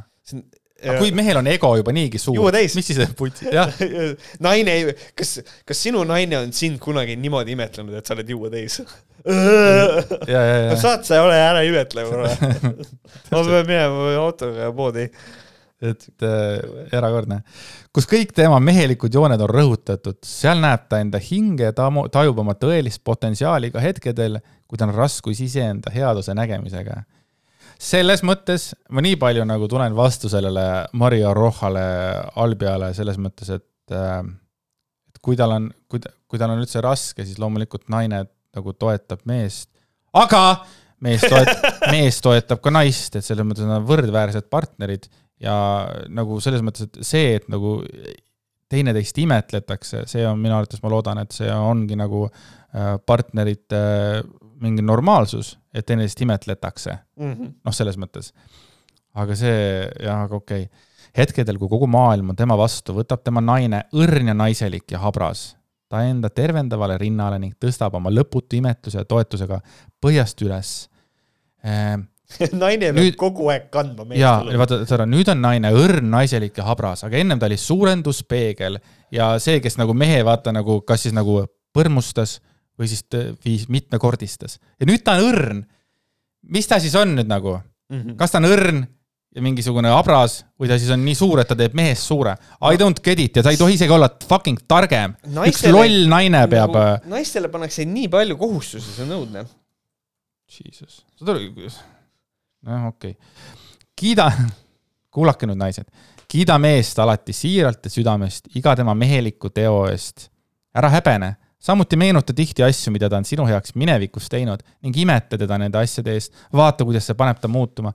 meenuta asju, mis panid sind teda imetlema teie suhe, suhte algusaegadel. temas on endiselt see kõik olemas, no välja arvatud siis, kui ei ole, vaata jah, et said kokku, siis oli tüüp oli äge, vaata, kõik oli nagu, siht oli silmes, värgid seal, praegu ongi mingisugune debiil valmis, vaata. päris hull, meenuta asju. meenuta, sa pead kogu aeg meenutama. Ma kuulsin, et sa ei öelnud mitte, et mida ta on sinu jaoks minevikus teinud ja imetle teda nende asjade eest, ma, ma pidin kontrollima, sest mul jäi mulje, et sa ütlesid imeta.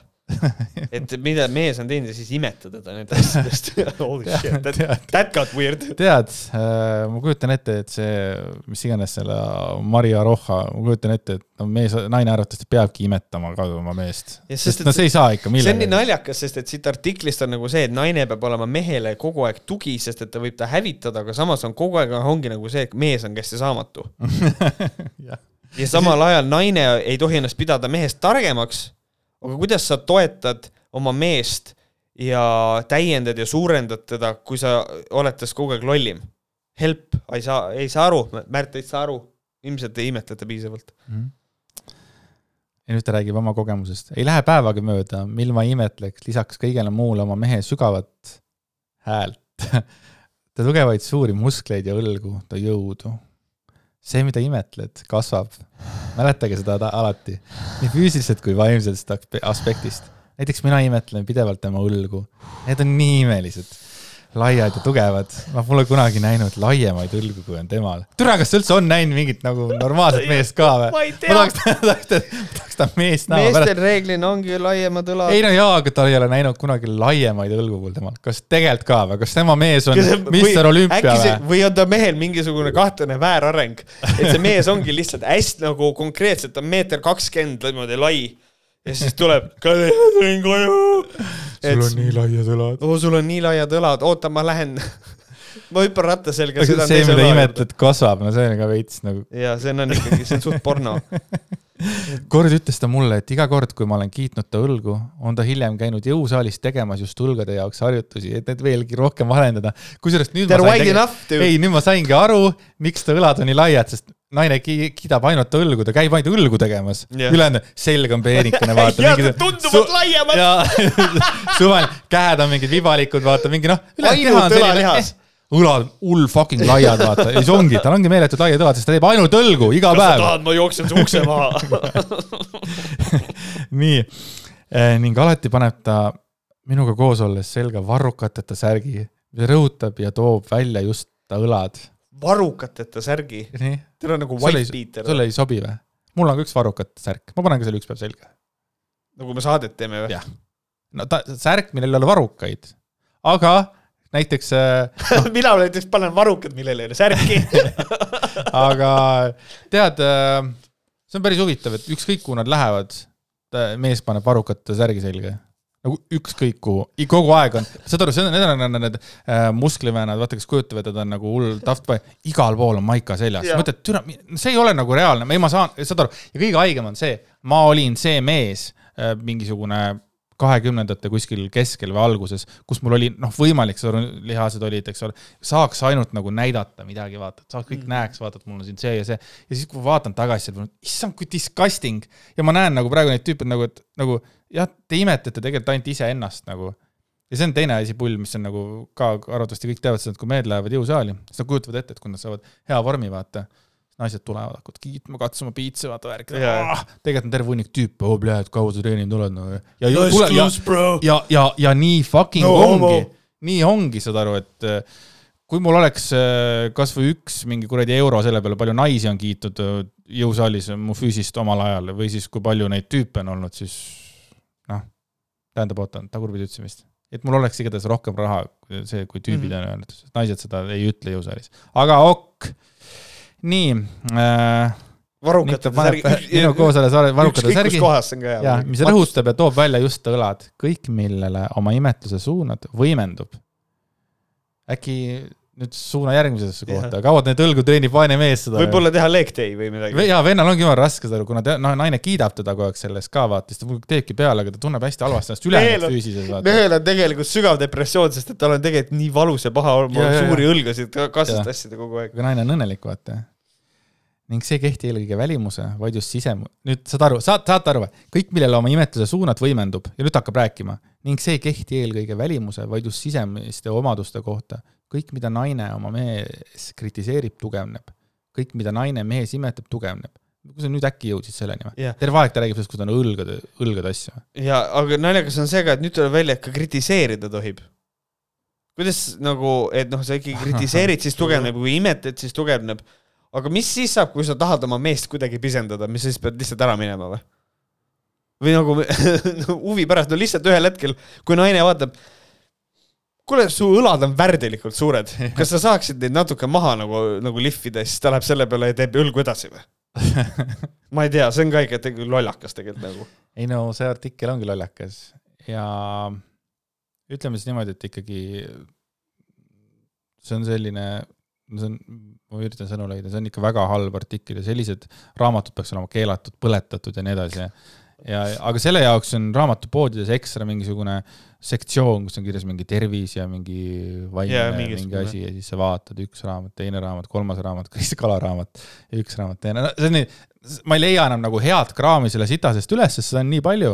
seda sitta on mm. nii palju nagu. igasugune self-help ja ja aga, aga self-help'il, saad aru, me oleme sellest rääkinud varem, ka self-help'il on mingisugused, on, on, on päris raamatud, mis on nagu päriselt head ega self-help ei ole nagu vale asi, aga kui seda teevad mingisugused ja. sula, suvalised mingisugused vennad, kes, oo, ma olin kunagi kuradi no nagu William Koval, eks ole, kunagi tagusin tüüpe ja kuradi ma võtsin viina, nüüd ma olen fucking mentor, ma räägin, kuidas olla see, kuidas olla too. Fucking ei ole nii mm., see ei ole nii, ma saan aru, et selles mõttes, et jah, seal on mingisugune asi, et see niimoodi, et nagu läbi kogemuste inimene vaata areneb, eks ole, siis ta saab rääkida, et inimestega mingeid ei juhtuks mingi asja, aga seda on hakatud ära kasutama, nüüd on mm. igasugune idioot on nüüd nagu see äh, kuradi kuru.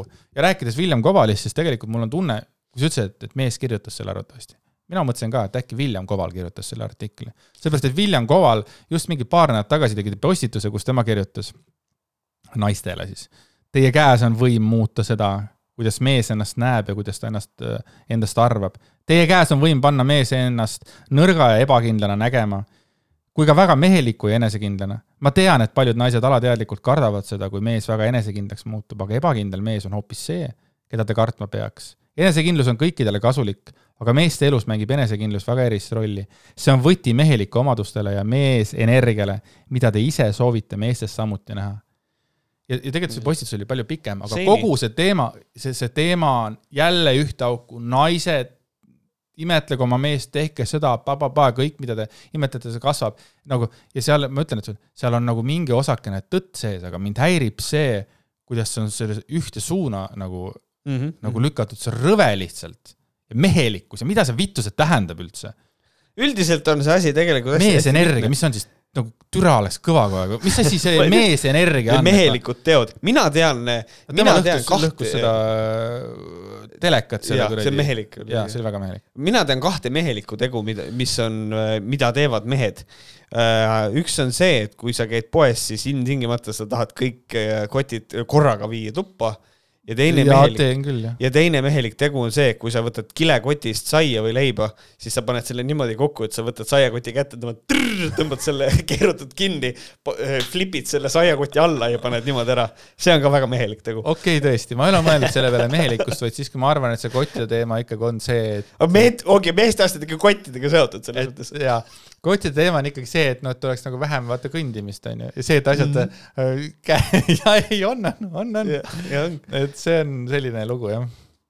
aga ma võtan veel kiiresti ühe veel äh, vahva, vahva Delfika naistest, naistekast oh, see, väikse oh, väikse mõtte, mis oli ebareaalne, ma jälle küsin Delfi, kas te nagu saate aru, mida te kirjutate või kellele see mõeldud on, aga kuulake nüüd, kallid kuulajad. See on siis äh, Gerda kakskümmend seitse on rääkinud oma loo. aga ütleme siis ka Delfi artikkel, eestlannad pihitoolis, naiste juhend vastassoole, palun katsuge meie rindu just nii, see on nauditav, nii. ja nüüd siis Gerda kirjutab.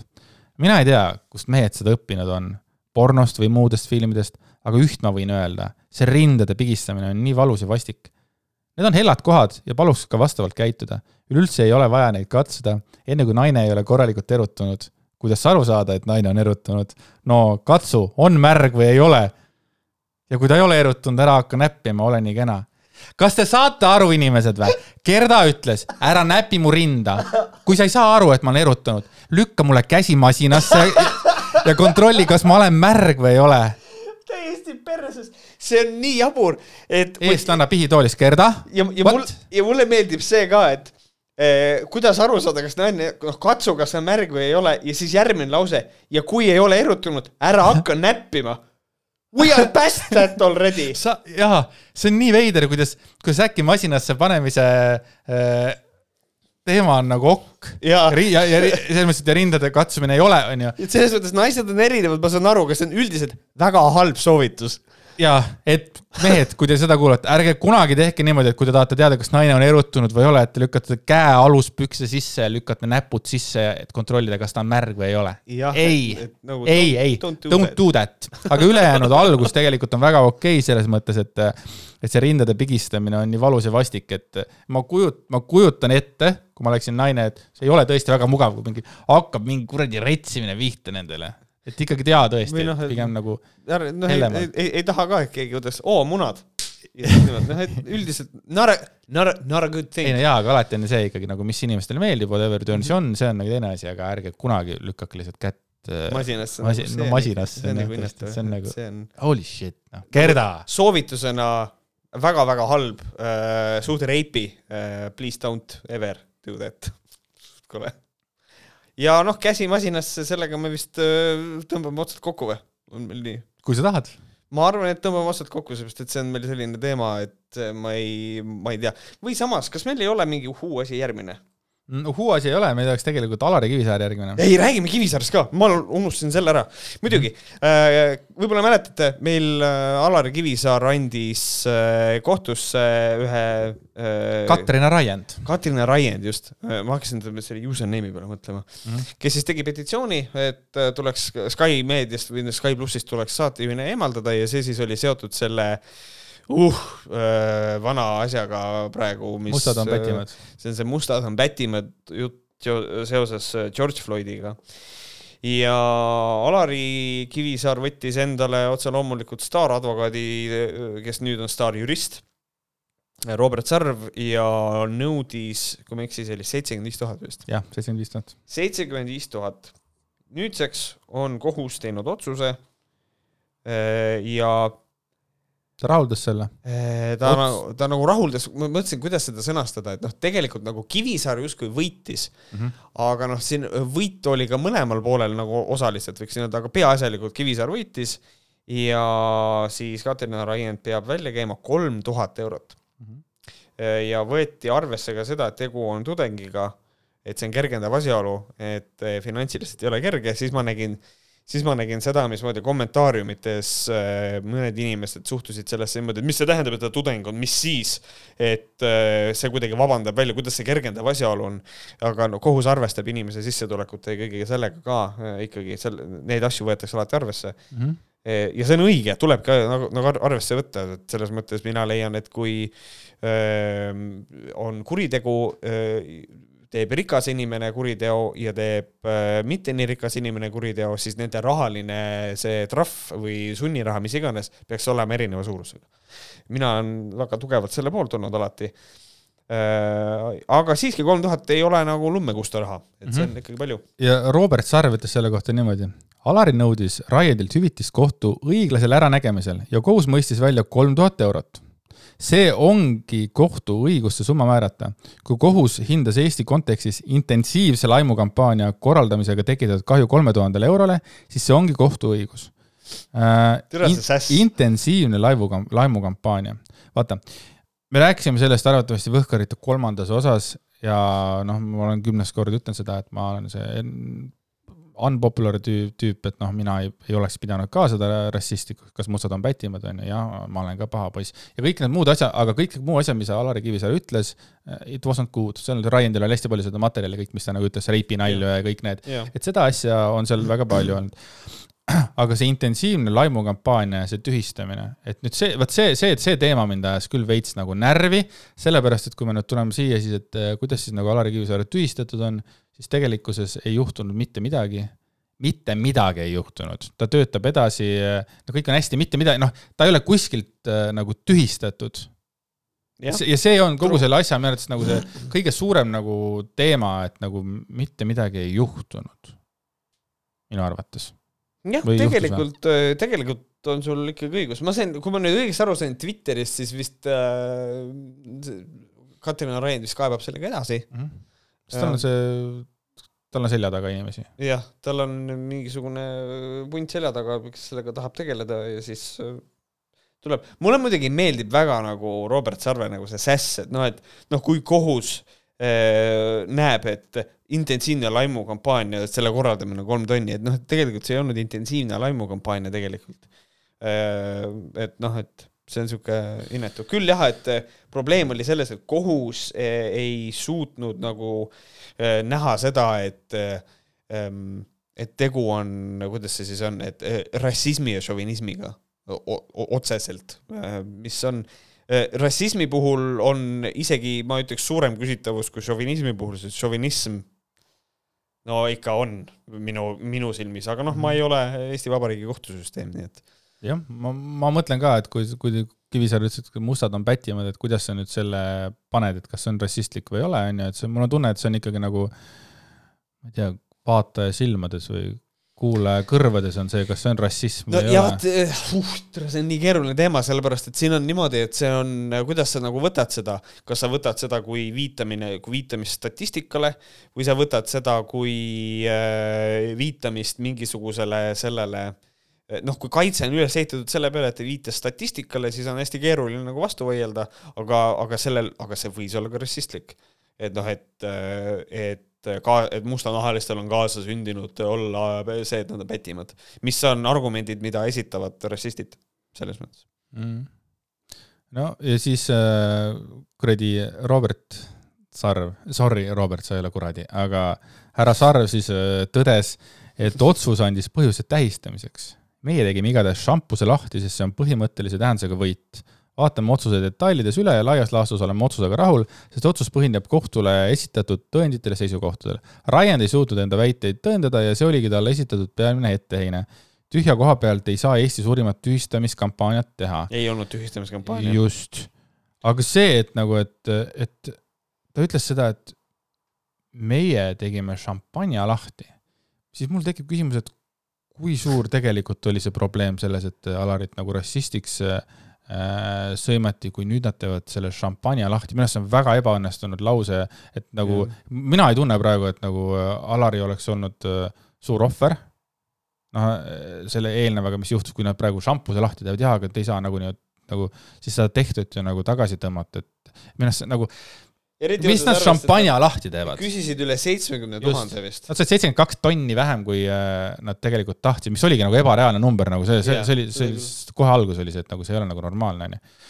ja ma ei tahaks olla üldsegi praegu äh, selle Ryendi, ma ei tea Mina... ma ei tahaks olla Ryend, sellepärast et arvestades, kui kaua ta on sellega pidanud tegelema ja kui palju närvirakke ja kui palju, ma kujutan ette, magamata öid. ja ta ise ütles küll, et ta ei kahetse seda, onju ja ma arvan, et ta ei kahetsegi seda, et ta selle tegi, aga ma ei tea, kui saaks aja tagasi keerata, et nagu kui ta teaks, mis sellest tuleb, et huvitav, huvitav, kas ta oleks seda teinud? ja ma arvan, et ei oleks. Ja, ja ma arvan seda, et äh, ma ei tea, mida inimene mõtleb kahetsemise all, mina mõtlen alati kahetsemise all nagu seda, et äh, et kas oli seda jama vaja, vahet ei ole, kas mul oli õigus või ei olnud, ma, ma ise arvan, et ju ta ikka natuke kahetseb, aga noh, see, ta ei kahetse seda, et ta kahetseb, et ma nüüd tegin midagi valesti, vaid no pidin ma hakkama, noh, et siis on, et nüüd on niisugune jama kaelas. aga jah, ma olen väga üllatunud, et see, kes Mart Helmet üritas välja saada Riigikogust, et et nagu see ei ole kuidagi suurema kella külge läinud, et noh, sa ütlesid mulle ka, et, et jah, et Mart Helme nagu, ma arvan, et nagu pff, ta nagu elab selle üle, on ju, kui Mart Helme lubas hiljem kõik kuradi kohtusse kaevata, on ju, siis huvitav, kas see inimene, kes Mart Helmet üritas Riigikogust äh, lahti saada, et kas sellele tuleb tegeleda mingite samade asjadega või? see on, ei, aga see on samasugune situatsioon ju. sarnane, võrreldav jah, muidugi siin võib öelda. siin jälle hakka, hakatakse tõlgendama seda, jah, aga meie arvates Mart Helme ei öelnud, et äh, Ukraina naised on prostituudid, on ju. ja siis hakkab pihta ja. ja siis on jälle teine inimene maksab selle eest. jah, muidugi noh, äh, siin on nojah, siin on nagu see mängus, et noh, tegelikult Alari Kivisaart oleks saanud töökoha pealt lahti kangutada tegelikult teoreetiliselt ikkagi, aga Mart Helmet ei saaks töökoha pealt lahti kangutada, sest et tal on saadiku puutumatus ja kõik see. aga, aga, aga selles mõttes püstitus on sarnane muidugi, jaa ikka. ja no ta sai ju teise, Kivisaar sai teise võidu ka ju tead ju, Arumetsa üle. ei, seda ma ei teadnud. jah, et eh, kuna Arumets kutsus teda kivimunniks, siis äh, Arumets vist peab selle eest nüüd maksma mitte vist, vaid peabki uh,. summad ka teada, palju see ei tea, seda ei olnud kirjas okay.. see oli uh, Sky portaali uudis, ja seal ei olnud isegi seda sõna kivimunn välja kirjutatud, aga. see on äh, suhteliselt nagu kole pretsedent, see tähendab siis seda, et äh, kui sa ütled inimese kohta sitapea, siis lähed kohtusse, sest et noh, tõesta, et ta on sitapea ja siis nagu ühesõnaga see on, see on, see on veider. see, ma, mul on tunne, et probleem oli ikkagi selles, et ta nagu sinna, sinna selle tema nagu perekonnanimesse selle munni juurde lisas, et ma, ma ei tea, kas kui lihtsalt oleks munn öelnud, kas sellega oleks pro probleemi tekkinud või? igatahes see on nagu, see läheb järjest nõmedamaks, kogu situatsioon, et äh, siin järjest on mingisuguseid ime, imelikke lahendeid tulnud, et samamoodi oli see äh, noh, see on hoopis teistsugune süsteem, see Eesti Ekspressi äh, kaks ajakirjanikku pluss veel Eesti Ekspress said ka tonne trahvi mm -hmm. selle -hmm. artikli eest, onju. Oo, ja see ühiskondlik debatt selle üle on ka kõva muidugi praegu mm. -hmm. et see on, et see on huvitav ja, aga huvitav, kas siis, kui keegi ütleb mulle, et, et äh, ütleb, et Koigi poiss, kas ma võin ka siis öelda, et ma olen jube solvunud, sest et ma ei ole poiss, ma olen ikkagi juba täisealine, ma olen juba mees, ma olen, mul on, mul on hing nii haige. ma, ma arvan, et kõik võivad kõiki asju välja võtta ja, ja tehku, et aga siin ongi küsimus, et kes sellega viitsib tegeleda ja, ja, ja kes, kellel selle jaoks nagu on raha, et et noh, selles mõttes Kivisaarel ma arvan, et rahaga probleeme ei ole. ma arvan küll, jah.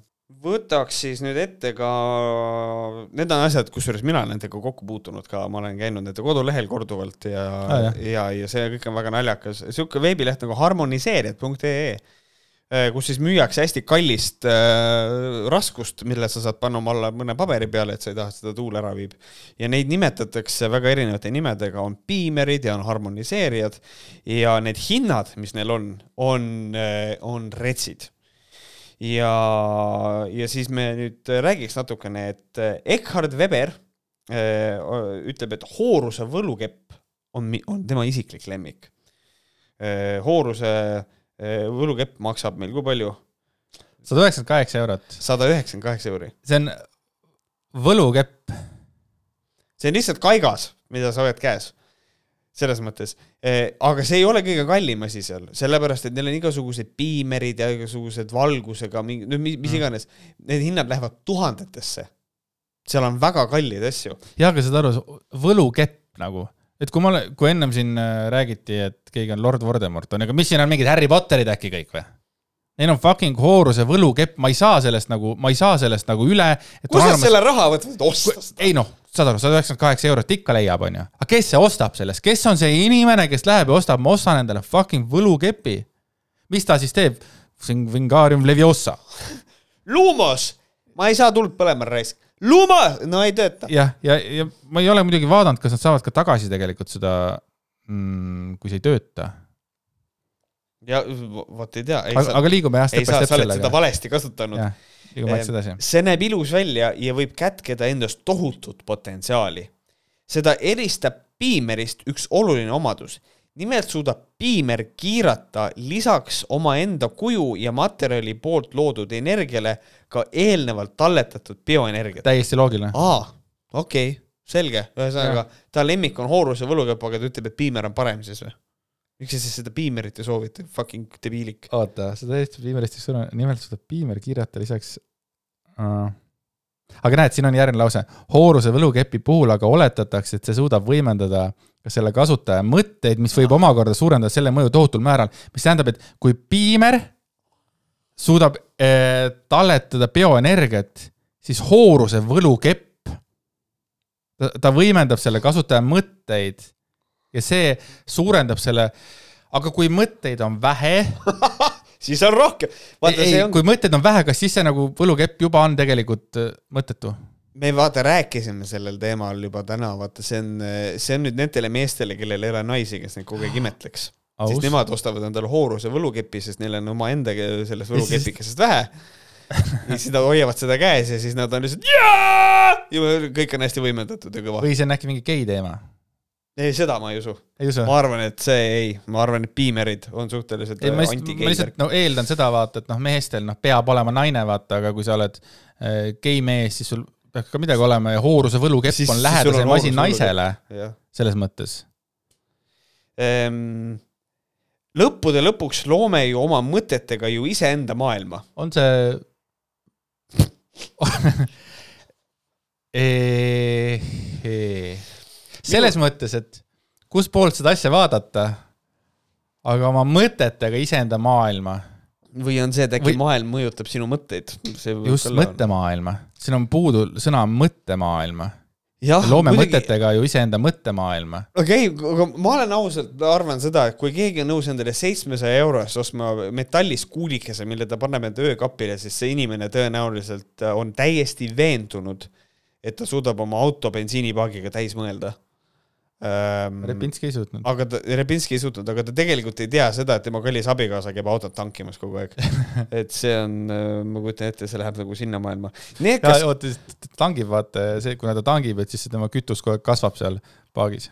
mitte õlad, vaid seal on nagu kütuse teema ma, meie kütust tahas toodab ennast ise ja, ja siis elukaaslane lihtsalt ja, ja. aga ta ei saa öelda seda, sest ta ei taha ennast nagu meest targemaks äh, pidada, et äh, mm,. jah, jah, just, just et huvitav, tal, tal vist on õigus uh. -huh. ma lihtsalt käin sutsimas selle kuradi püstoliga seal.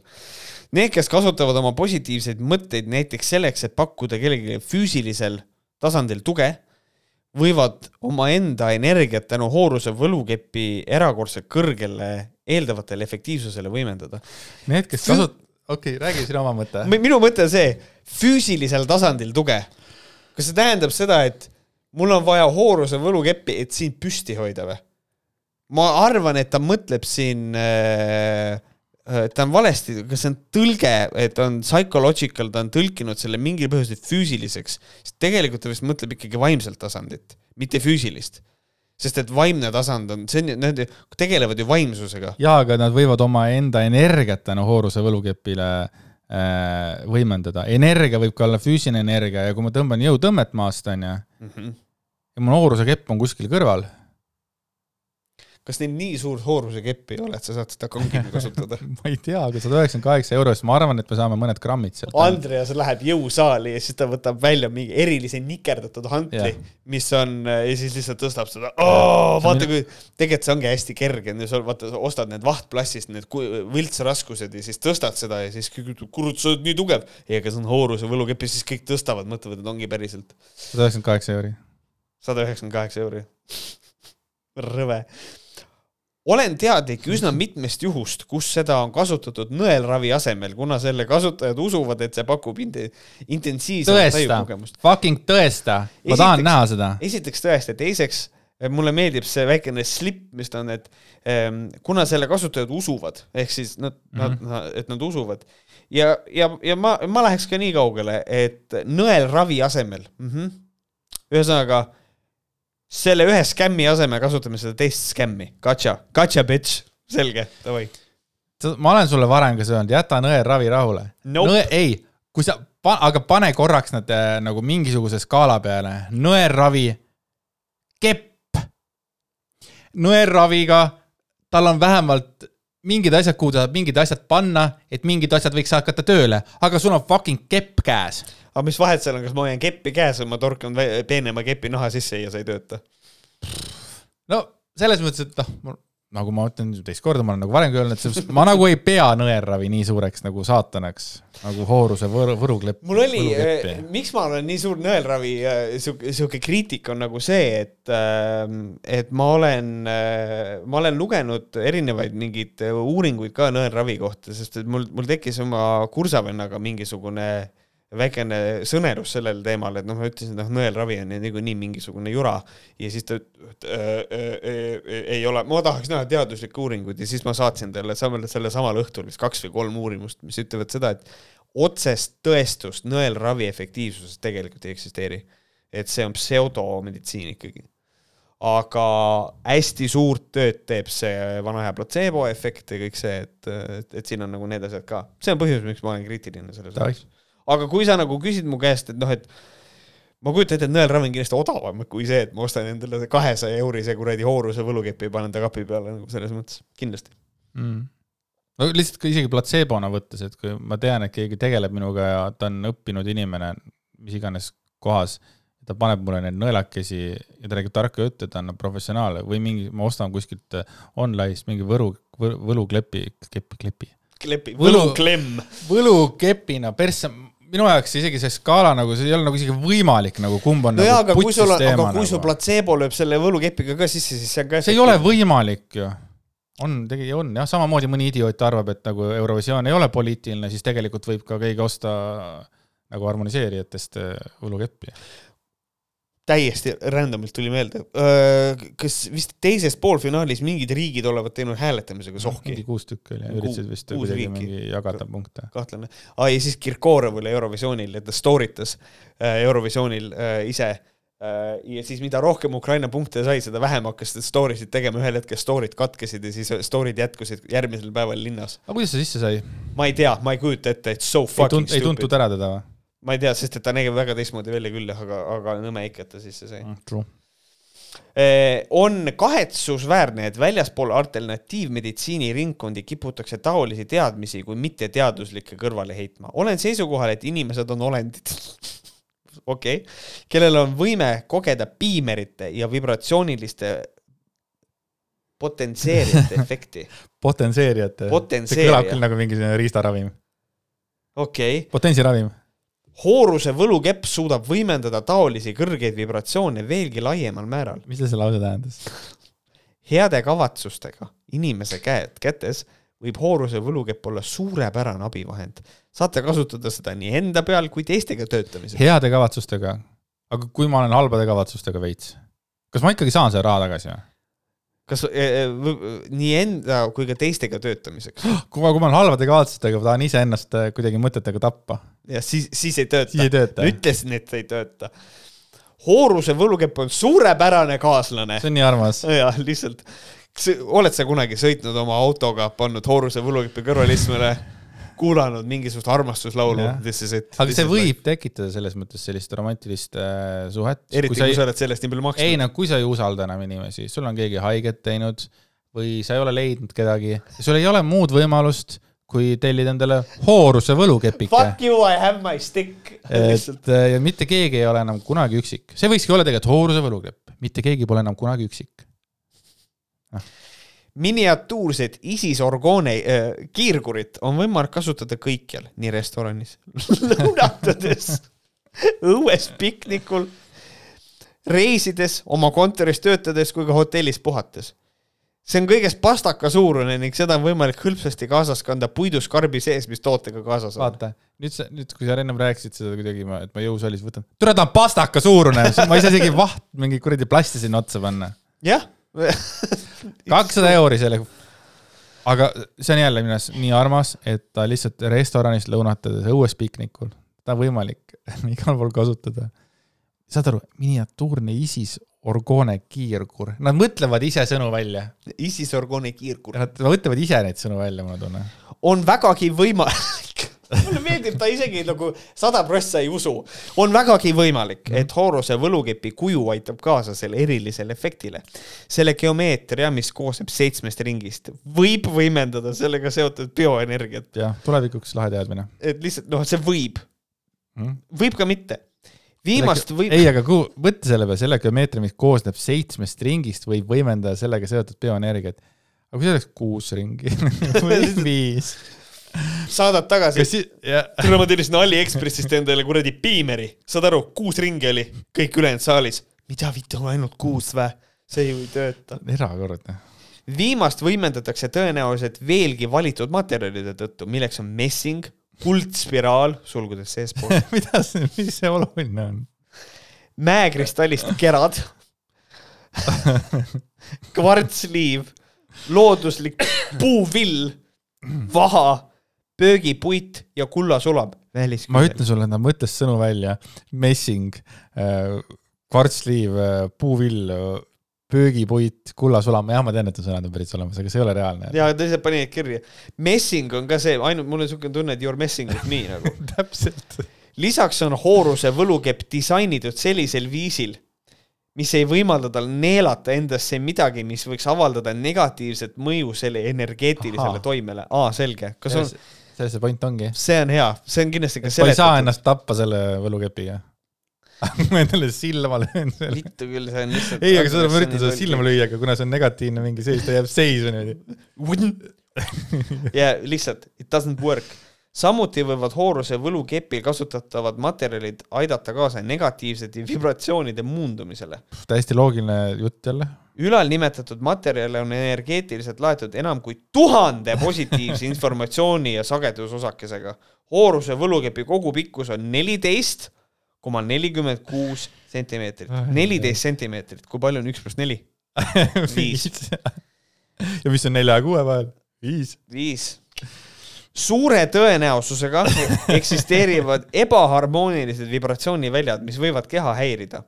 Neid välju võib, võib olla võimalik, saad aru, see kõik on nii tinglikuks ära läinud et nagu ta, ta nagu alustas enesekindlalt, aga mida rohkem ta seda sitta kirjutas, ta sai ta ei taha kohtusse kaevatud saada. et võib-olla, vaata, vaata, tal oli, ta hakkas mõtlema selle peale, et huvitav, äkki keegi tahab, vaata, et ei tööta, tahab raha tagasi. Neid välju võib olla võimalik harmoniseerida, suunates hooruse võlukepi nende peale. antud eeldus tugineb kogemustele vana, vana kodus vehik. aga miks te, mis see üldse tähendab? suure tõenäosusega eksisteerivad ebaharmoonilised vibratsiooniväljad mis võivad keha häirida, neid välja võib olla võimalik harmoniseerida. ebaharmoniseerilised vibratsiooniväljad ja neid on võimalik harmoniseerida. tähendab, see sõna on, ta vist, ma ei tea, eba, ebaharmoonilised, no kakofoniline oleks ilus sõna, mida siin kasutada, aga kas seda on näha või, või ma pean kogu aeg käima kuradi hooruse kepp ees igale poole, kuhu ma lähen, ma lähen, lähen raha välja võtma, käin ka mingi kepp on ees kogu aeg. tuled siia saadet tegema, kõigepealt oled kepp ees, vaata, kas on ebaharmoniseeritud või on harmoniseeritud. jah, aga ma ju, aga vaata, ma ise ei saa aru ma lihtsalt igaks juhuks peangi kogu aeg. jah, suunad võlukepi nende peale. hoidke hooruse võlukepi taldriku või klaasi kohal umbes kolmkümmend sekundit, hoides endas samal ajal positiivseid mõtteid. nagu näiteks ma harmoniseerin mis tahes negatiivse mõju, mida see toit või jook mulle avaldada võib, muutes selle enda jaoks paremini seeditavaks. lisaks sellele võite joonistada toidu või joogi kohale päripäevaspiraali me oleme nagu, vaata, sa alguses norisid, et nad teevad võlukeppe, et oo, Harry Potter ja kõik see aga, aga this is what they actually do, see ongi, sa võlud toitu, sa puhastad vett sellega, et sa võid hoida ja mõelda positiivseid mõtteid või joonistad spiraali. aga kui sa ütlesid, et pastaka suurus, võid ka lihtsalt pastaka võtta ja siis öelda, et ma harmoniseerin mis tahes negatiivse mõju, mida see toit või jook mulle avaldada võib, muutes selle enda jaoks paremini seeditavaks. siis on, oo oh, cool ja siis hakkan sööma mingit kõhulahtistit või? jah, äkki ongi. või kui, ma ei tea aga mitte ükski asi ei ole täiuslik ilma, kui keegi, kes oleks seda ostnud, kirjeldaks. vana hea Argo hakkab nüüd. Argo hakkab rääkima, Argo kogemus. esialgne kogemus, kui kätte võtsin, oli ohoo-efekt. üle keha käisid energialained, surinad, orgastiline kogemus see oli ilmselt. võimendab tõesti inimese energiat ja mõtteid. kui tegin meditatsiooni ja läksin südamesse, siis tänu seda võlukeppi käes hoides südameenergia võimendus ja sain palju kiiremini südames olles võimsa tunde kätte. mida see tähendab? tule, ma ei tea, see on lihtsalt. hakkas tundma äkki armastust. ma ei kujuta ette. samamoodi saab seda võlukeppi viibutades ennast puhastada ta ei käigi duši all peale seda, kui ta seda ostis. lihtsalt korstnapühkjatele täiesti suurepärane asi, pühid korstnad ära, võtad hooruse võlukepi, viibutad ja lihtsalt tahm kukub pealt ära. võlukepi viibates, mõtetes läbi keha on tunda energiavõnkeid. kuidas see välja näeb, mis tunne see on? mis asja, mis energia seal on? taevaskojas olles, see on väga, väga lokatsioonipõhine. taevaskojas olles sain seda võlukeppi käes hoides viieteistkümne minutiga kõik oma mõtted selgeks mõeldud ja blokeeringud maha, mida tajusin ema mul sai seda võlukeppi käes hoides seljavalust viie minutiga lahti. kokkuvõttes väga võimas. mulle meeldib see, et kui siin eelnevalt on kõik on tõlgitud, vaata, siis järsku taevas kojas olles miks see oluline on, võiks lihtsalt öelda, et kuskil, kus iganes ma olen, ma sain seda võlukeppi kuradi, sain mõtted lahti endal. ma mõtlen seda, et ema mul sai võlukeppi käes hoides viie minutiga lahti, seda võib ka tõlgendada selgelt, et ema suri ära lihtsalt sest et noh, teoreetiliselt seljavalu, ta sai lahti sellest täiesti perses. kuradi, ostke endale võlukepp kakssada euri, neliteist koma nelikümmend kuus sentimeetrit pikk. ja töötab kõige paremini taevaskojas täiesti lõpp. sellised inimesed on meie ümber, aga teate, kui raha on, las raha hiirleb, mul ei ole ühtegi halba sõna selle peale. selline tuli meie tänane saade. jah, vaata, need ei tundugi enam need Kersti Timmeri need mingid neljaeurosed mingid peeglid või veel. ai, see harmoniseerijate värk, see, see on, see on, ma ütlen ausalt, see on, see on õudne. See on õudne. kas saab vaadata netist ka, mis see käive neil on? Uh, kindlasti ettevõtte alt, kindlasti saad vaadata, sest et seal oli niimoodi, et äh, ma vist isegi rääkisin sellest mingil hetkel, kus oli see, kes nende müügiga vist tegeleb, oli pannud ühe piimeri, kuna ta ei saanud ise olla Toompeal või selles, mitte Toompeal, aga see oli seal Vabaduse risti juures, Vabaduse väljakul oli see suur meeleavaldus. Siis ta oli välja printinud Google Maps'is selle kohakaardi ja siis ta oli pannud piimeri selle kohale ja suunanud piimeri otsa nagu kaardil selle äh, kuradi Vabaduse väljaku kohale. ja niimoodi ta saatis sinna head energiat päriselt ka. päriselt ka, et see on täiesti, see on psüh-, see on psycho, see on psühhovärk, see on. aga kui keegi läheb, vaata, seal on mingi, mitte, mitte massirahutus, vaid jälle mingi Varro Vooglaiu rahulik äh, kuradi tšillimine seal ja siis politsei tuleb oma koertega, vaata, hambuni relvastatud koerad mm -hmm. ja nad ise on ka hambuni. ja siis kõigil on need luumuseklepid käes, vaata, siis nad, kas seda võiks ka nagu mingisugust nagu relvaks nagu pidada ka või? Kui nad tulevad selle kepiga näiteks oleneb, kui see, kui see on väga pikk ja nad tugevalt vehivad, siis no kindlasti. viisteist sentimeetrit. minu arust oleks palju cool im asi see, kui tuleks kohale e- kiirreageerijad ja varustuses on need äh, kepikesed. kas sa kujutad ette, mismoodi Varro peaks väga ettevaatlikult sihtima, et mida ta ütleb, et ta ei teeks nagu liiga sellele müü- müüjale, sellepärast et see on mõnes mõttes ikkagi suntis hambuni relvastatud mm -hmm. ja siis ta hambuni piimeritega relvastatud. koertel ka on harmoniseerijad ümber ja kõik, et see oleks iseenesest tore aga Varro Att kuulatakse üle praegu ju.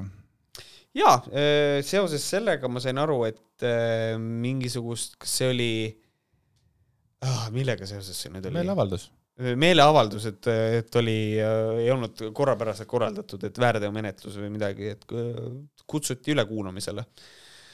ma kujutan ette, et see on tegelikult oluliselt väiksem, kui Varro seda maalib, Varro tegi sellest ikkagi suure numbri. Aga eks Varrol, Varro oskab asju teha äh, suureks, tal on naine. mulle tegi nalja lihtsalt see, et kui ta sellest nagu teavitas, et mind kutsuti, siis ta ütles, et ega ma ise ka ei tea täpselt, mille pärast, mul käis peas et hmm, palju sul neid asju siis on, millega sa raisk, mis see võib olla, vaata. jah, ei, aga mulle meeldis see ka, et ma ei tea ka, mille pärast ja siis objektiivis on artikkel, kus oli kirjas, mille pärast ta kutsuti. okei, true. mis nagu ei olnud eriti lollakas, aga, aga no kui sina saaks praegu nõudekirja, onju, mm. see, sa näed lihtsalt ära, et see on nõudekiri, kas sa teaks, mille pärast? nõudekiri. sa No sa mõtled tea, ka, et sa oled igast asju ma võiks eeldada, et see võib olla mingisugune äh, juhuu, aga, aga Janno Kurst näiteks. Ja- ja- Jannot ma ei usu, Janno on nii kõva mees. ta blokeeris su ära, ta nii kõva mees ei ole. jah, see also true. Aga samas sest temal on ka kirjutatud seal, vaata, et kõike kasutad, mis minu Facebooki lehel on, siis jah. on eraomand ja lähed kinni ja eraomand lähed kinni, mina ei pääse isegi ligi. ma ütlen, et see on apartheid, ma ei tea, ma võin seda, ma võin seda kaarti ka mängida. True, võime hakata kaarte mängima. jep. linna, linnade põletamist, maailma, maailma kõige pikem mäng, noh. Pole kunagi mänginud, ma sa olen, teed nalja või? ma olen mänginud kaardimängudest, noh, jätame Pokeri ja Blackjacki ära, ma olen mänginud äh, Turakat ja Viitelehte. Viitelehte ma kunagi selgeks ei saanud. aga ma olen mänginud Turakat kaartidega, that's it. küüned perse? kas küüned perse on Uno või? ei, see on see, kus põhimõtteliselt vist jääd seitsmega kaks lehte üles ja kuuega üks ja, no ja mingi Ärtu kuningat võib igale poole visata. jah, ma olen Unot olen mänginud, aga küüned perse ma aga mina olen linnade põletamist mänginud, ma mäletan siis, kui ma noorem olin ja siis, noh, kui mul ei olnud parasjagu kellegagi mängida, siis ma jagasin kaks pakki, siis ma lihtsalt, see, mis suurem on, vaata, siis see, võttis ära ja, ja siis ma võisin niimoodi linnade põletamist mängida, see tundub päris kurb, aga see on päris lõbus.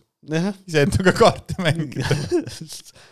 Tough childhood, noh. uh, see uh,, see, see, vaata öeldi, et, et et sa olid vana huligaan, ei olnud, üksi peeni mängis kaarti iseendaga. siis kui ma parasjagu huligaansusi ei teinud, siis mängisin üksinda linnade põletamist. mina ja, mina ei ole mänginud, mina mängisin, ma olen ka mänginud üksinda. ei no oota, kas sa ennustanud ei ole üksinda või? mina küll olen, ma mäletan, siis kui ma väike olin ja mulle mingisugune tüdruk meeldis, siis ma panin need ülejäänud tüdrukutele panin ka nimed, vaata neli emandat oli, vaata mm, -hmm. siis Mhm. panin sinna ja siis jagasin kaarte, siis seal olid äh, lapsed, olid ruutu, siis risti oli raha, armastus oli siis süda ja poti oli tüli. siis ma jagasin need ära ja siis ma vaatasin, ahah, siis mis hakkas mängima, vaata, kas mul on nagu vähe raha või ma tülitsen palju, siis ma viskasin välja, ahah, näed, see tüdruk lendas ära. ma alati lootsin, et nagu see tüdruk, kes mulle meeldis tollel hetkel, et see jääb lõpuks sinna ja siis see on nagu, nagu kõrgemate võimude poolt saadetud. okei okay seda sa ei ole teinud? nagu kapo äh,. ei, ei, niimoodi mina davai, ei teinud. mul oli. ma tegingi seda umbes siis, kui sina sündisid kuskil ma... kuskil mul olid nagu sarnased asjad, ma mängisin niimoodi, et ma panin äh, endale näiteks viis kaarti ette no. ja, ja panin nii-öelda vastasele -hmm. jutumärkides viis kaarti ette ja siis flip isin kaardid ümber ja, ja noh, võitis see, kellel oli nii-öelda suurem number. linnade põletamine? no jaa, aga ma ei ole linna. ja, ja, ja, aga see point oligi sama, jah ja siis ma ennustasin niimoodi, et äh, mul oli skaala oli niimoodi, et mida, mida kõrgem must, seda halvem. Ja mida, cancel race'ist cancel the race'ist ja mida kõrgem punane, seda parem. Ja siis oli niimoodi, ma äh, küsisin enda käest, et kuidas mul läheb sellega, siis tõmbasin pakis kaardi ja siis vaatasin, mis seal oli. ma olen niimoodi olen teinud. see on päris äge, seda võiks täitsa proovida, mul kuskil kaardid olemas nagu pärast nii, kuidas meil läheb sellel episoodil? nelikümmend üheksa. poti kuradi üheksa, sitt saade uh. -huh. ei kõva, aga kõva on ka see, et te olete meiega olnud ja et te ikka olete veel meiega. kuna tuleb järgmine tavaosa, kes seda teab, aga juba nädala aja pärast äh, te võite minna Patreonis ja saate uue osa sealt, seda ma luban teile jah, ja mina lisan omalt poolt seda, et äh, aitäh teile tšau. ja minge siis äh, followge Märt Koiki Twitteris, vaadake tema Youtube'i asju ja, ja võite Instasse ka minna ja, ja mind võite ka leida samasugustes kohtades, välja arvatud Youtube.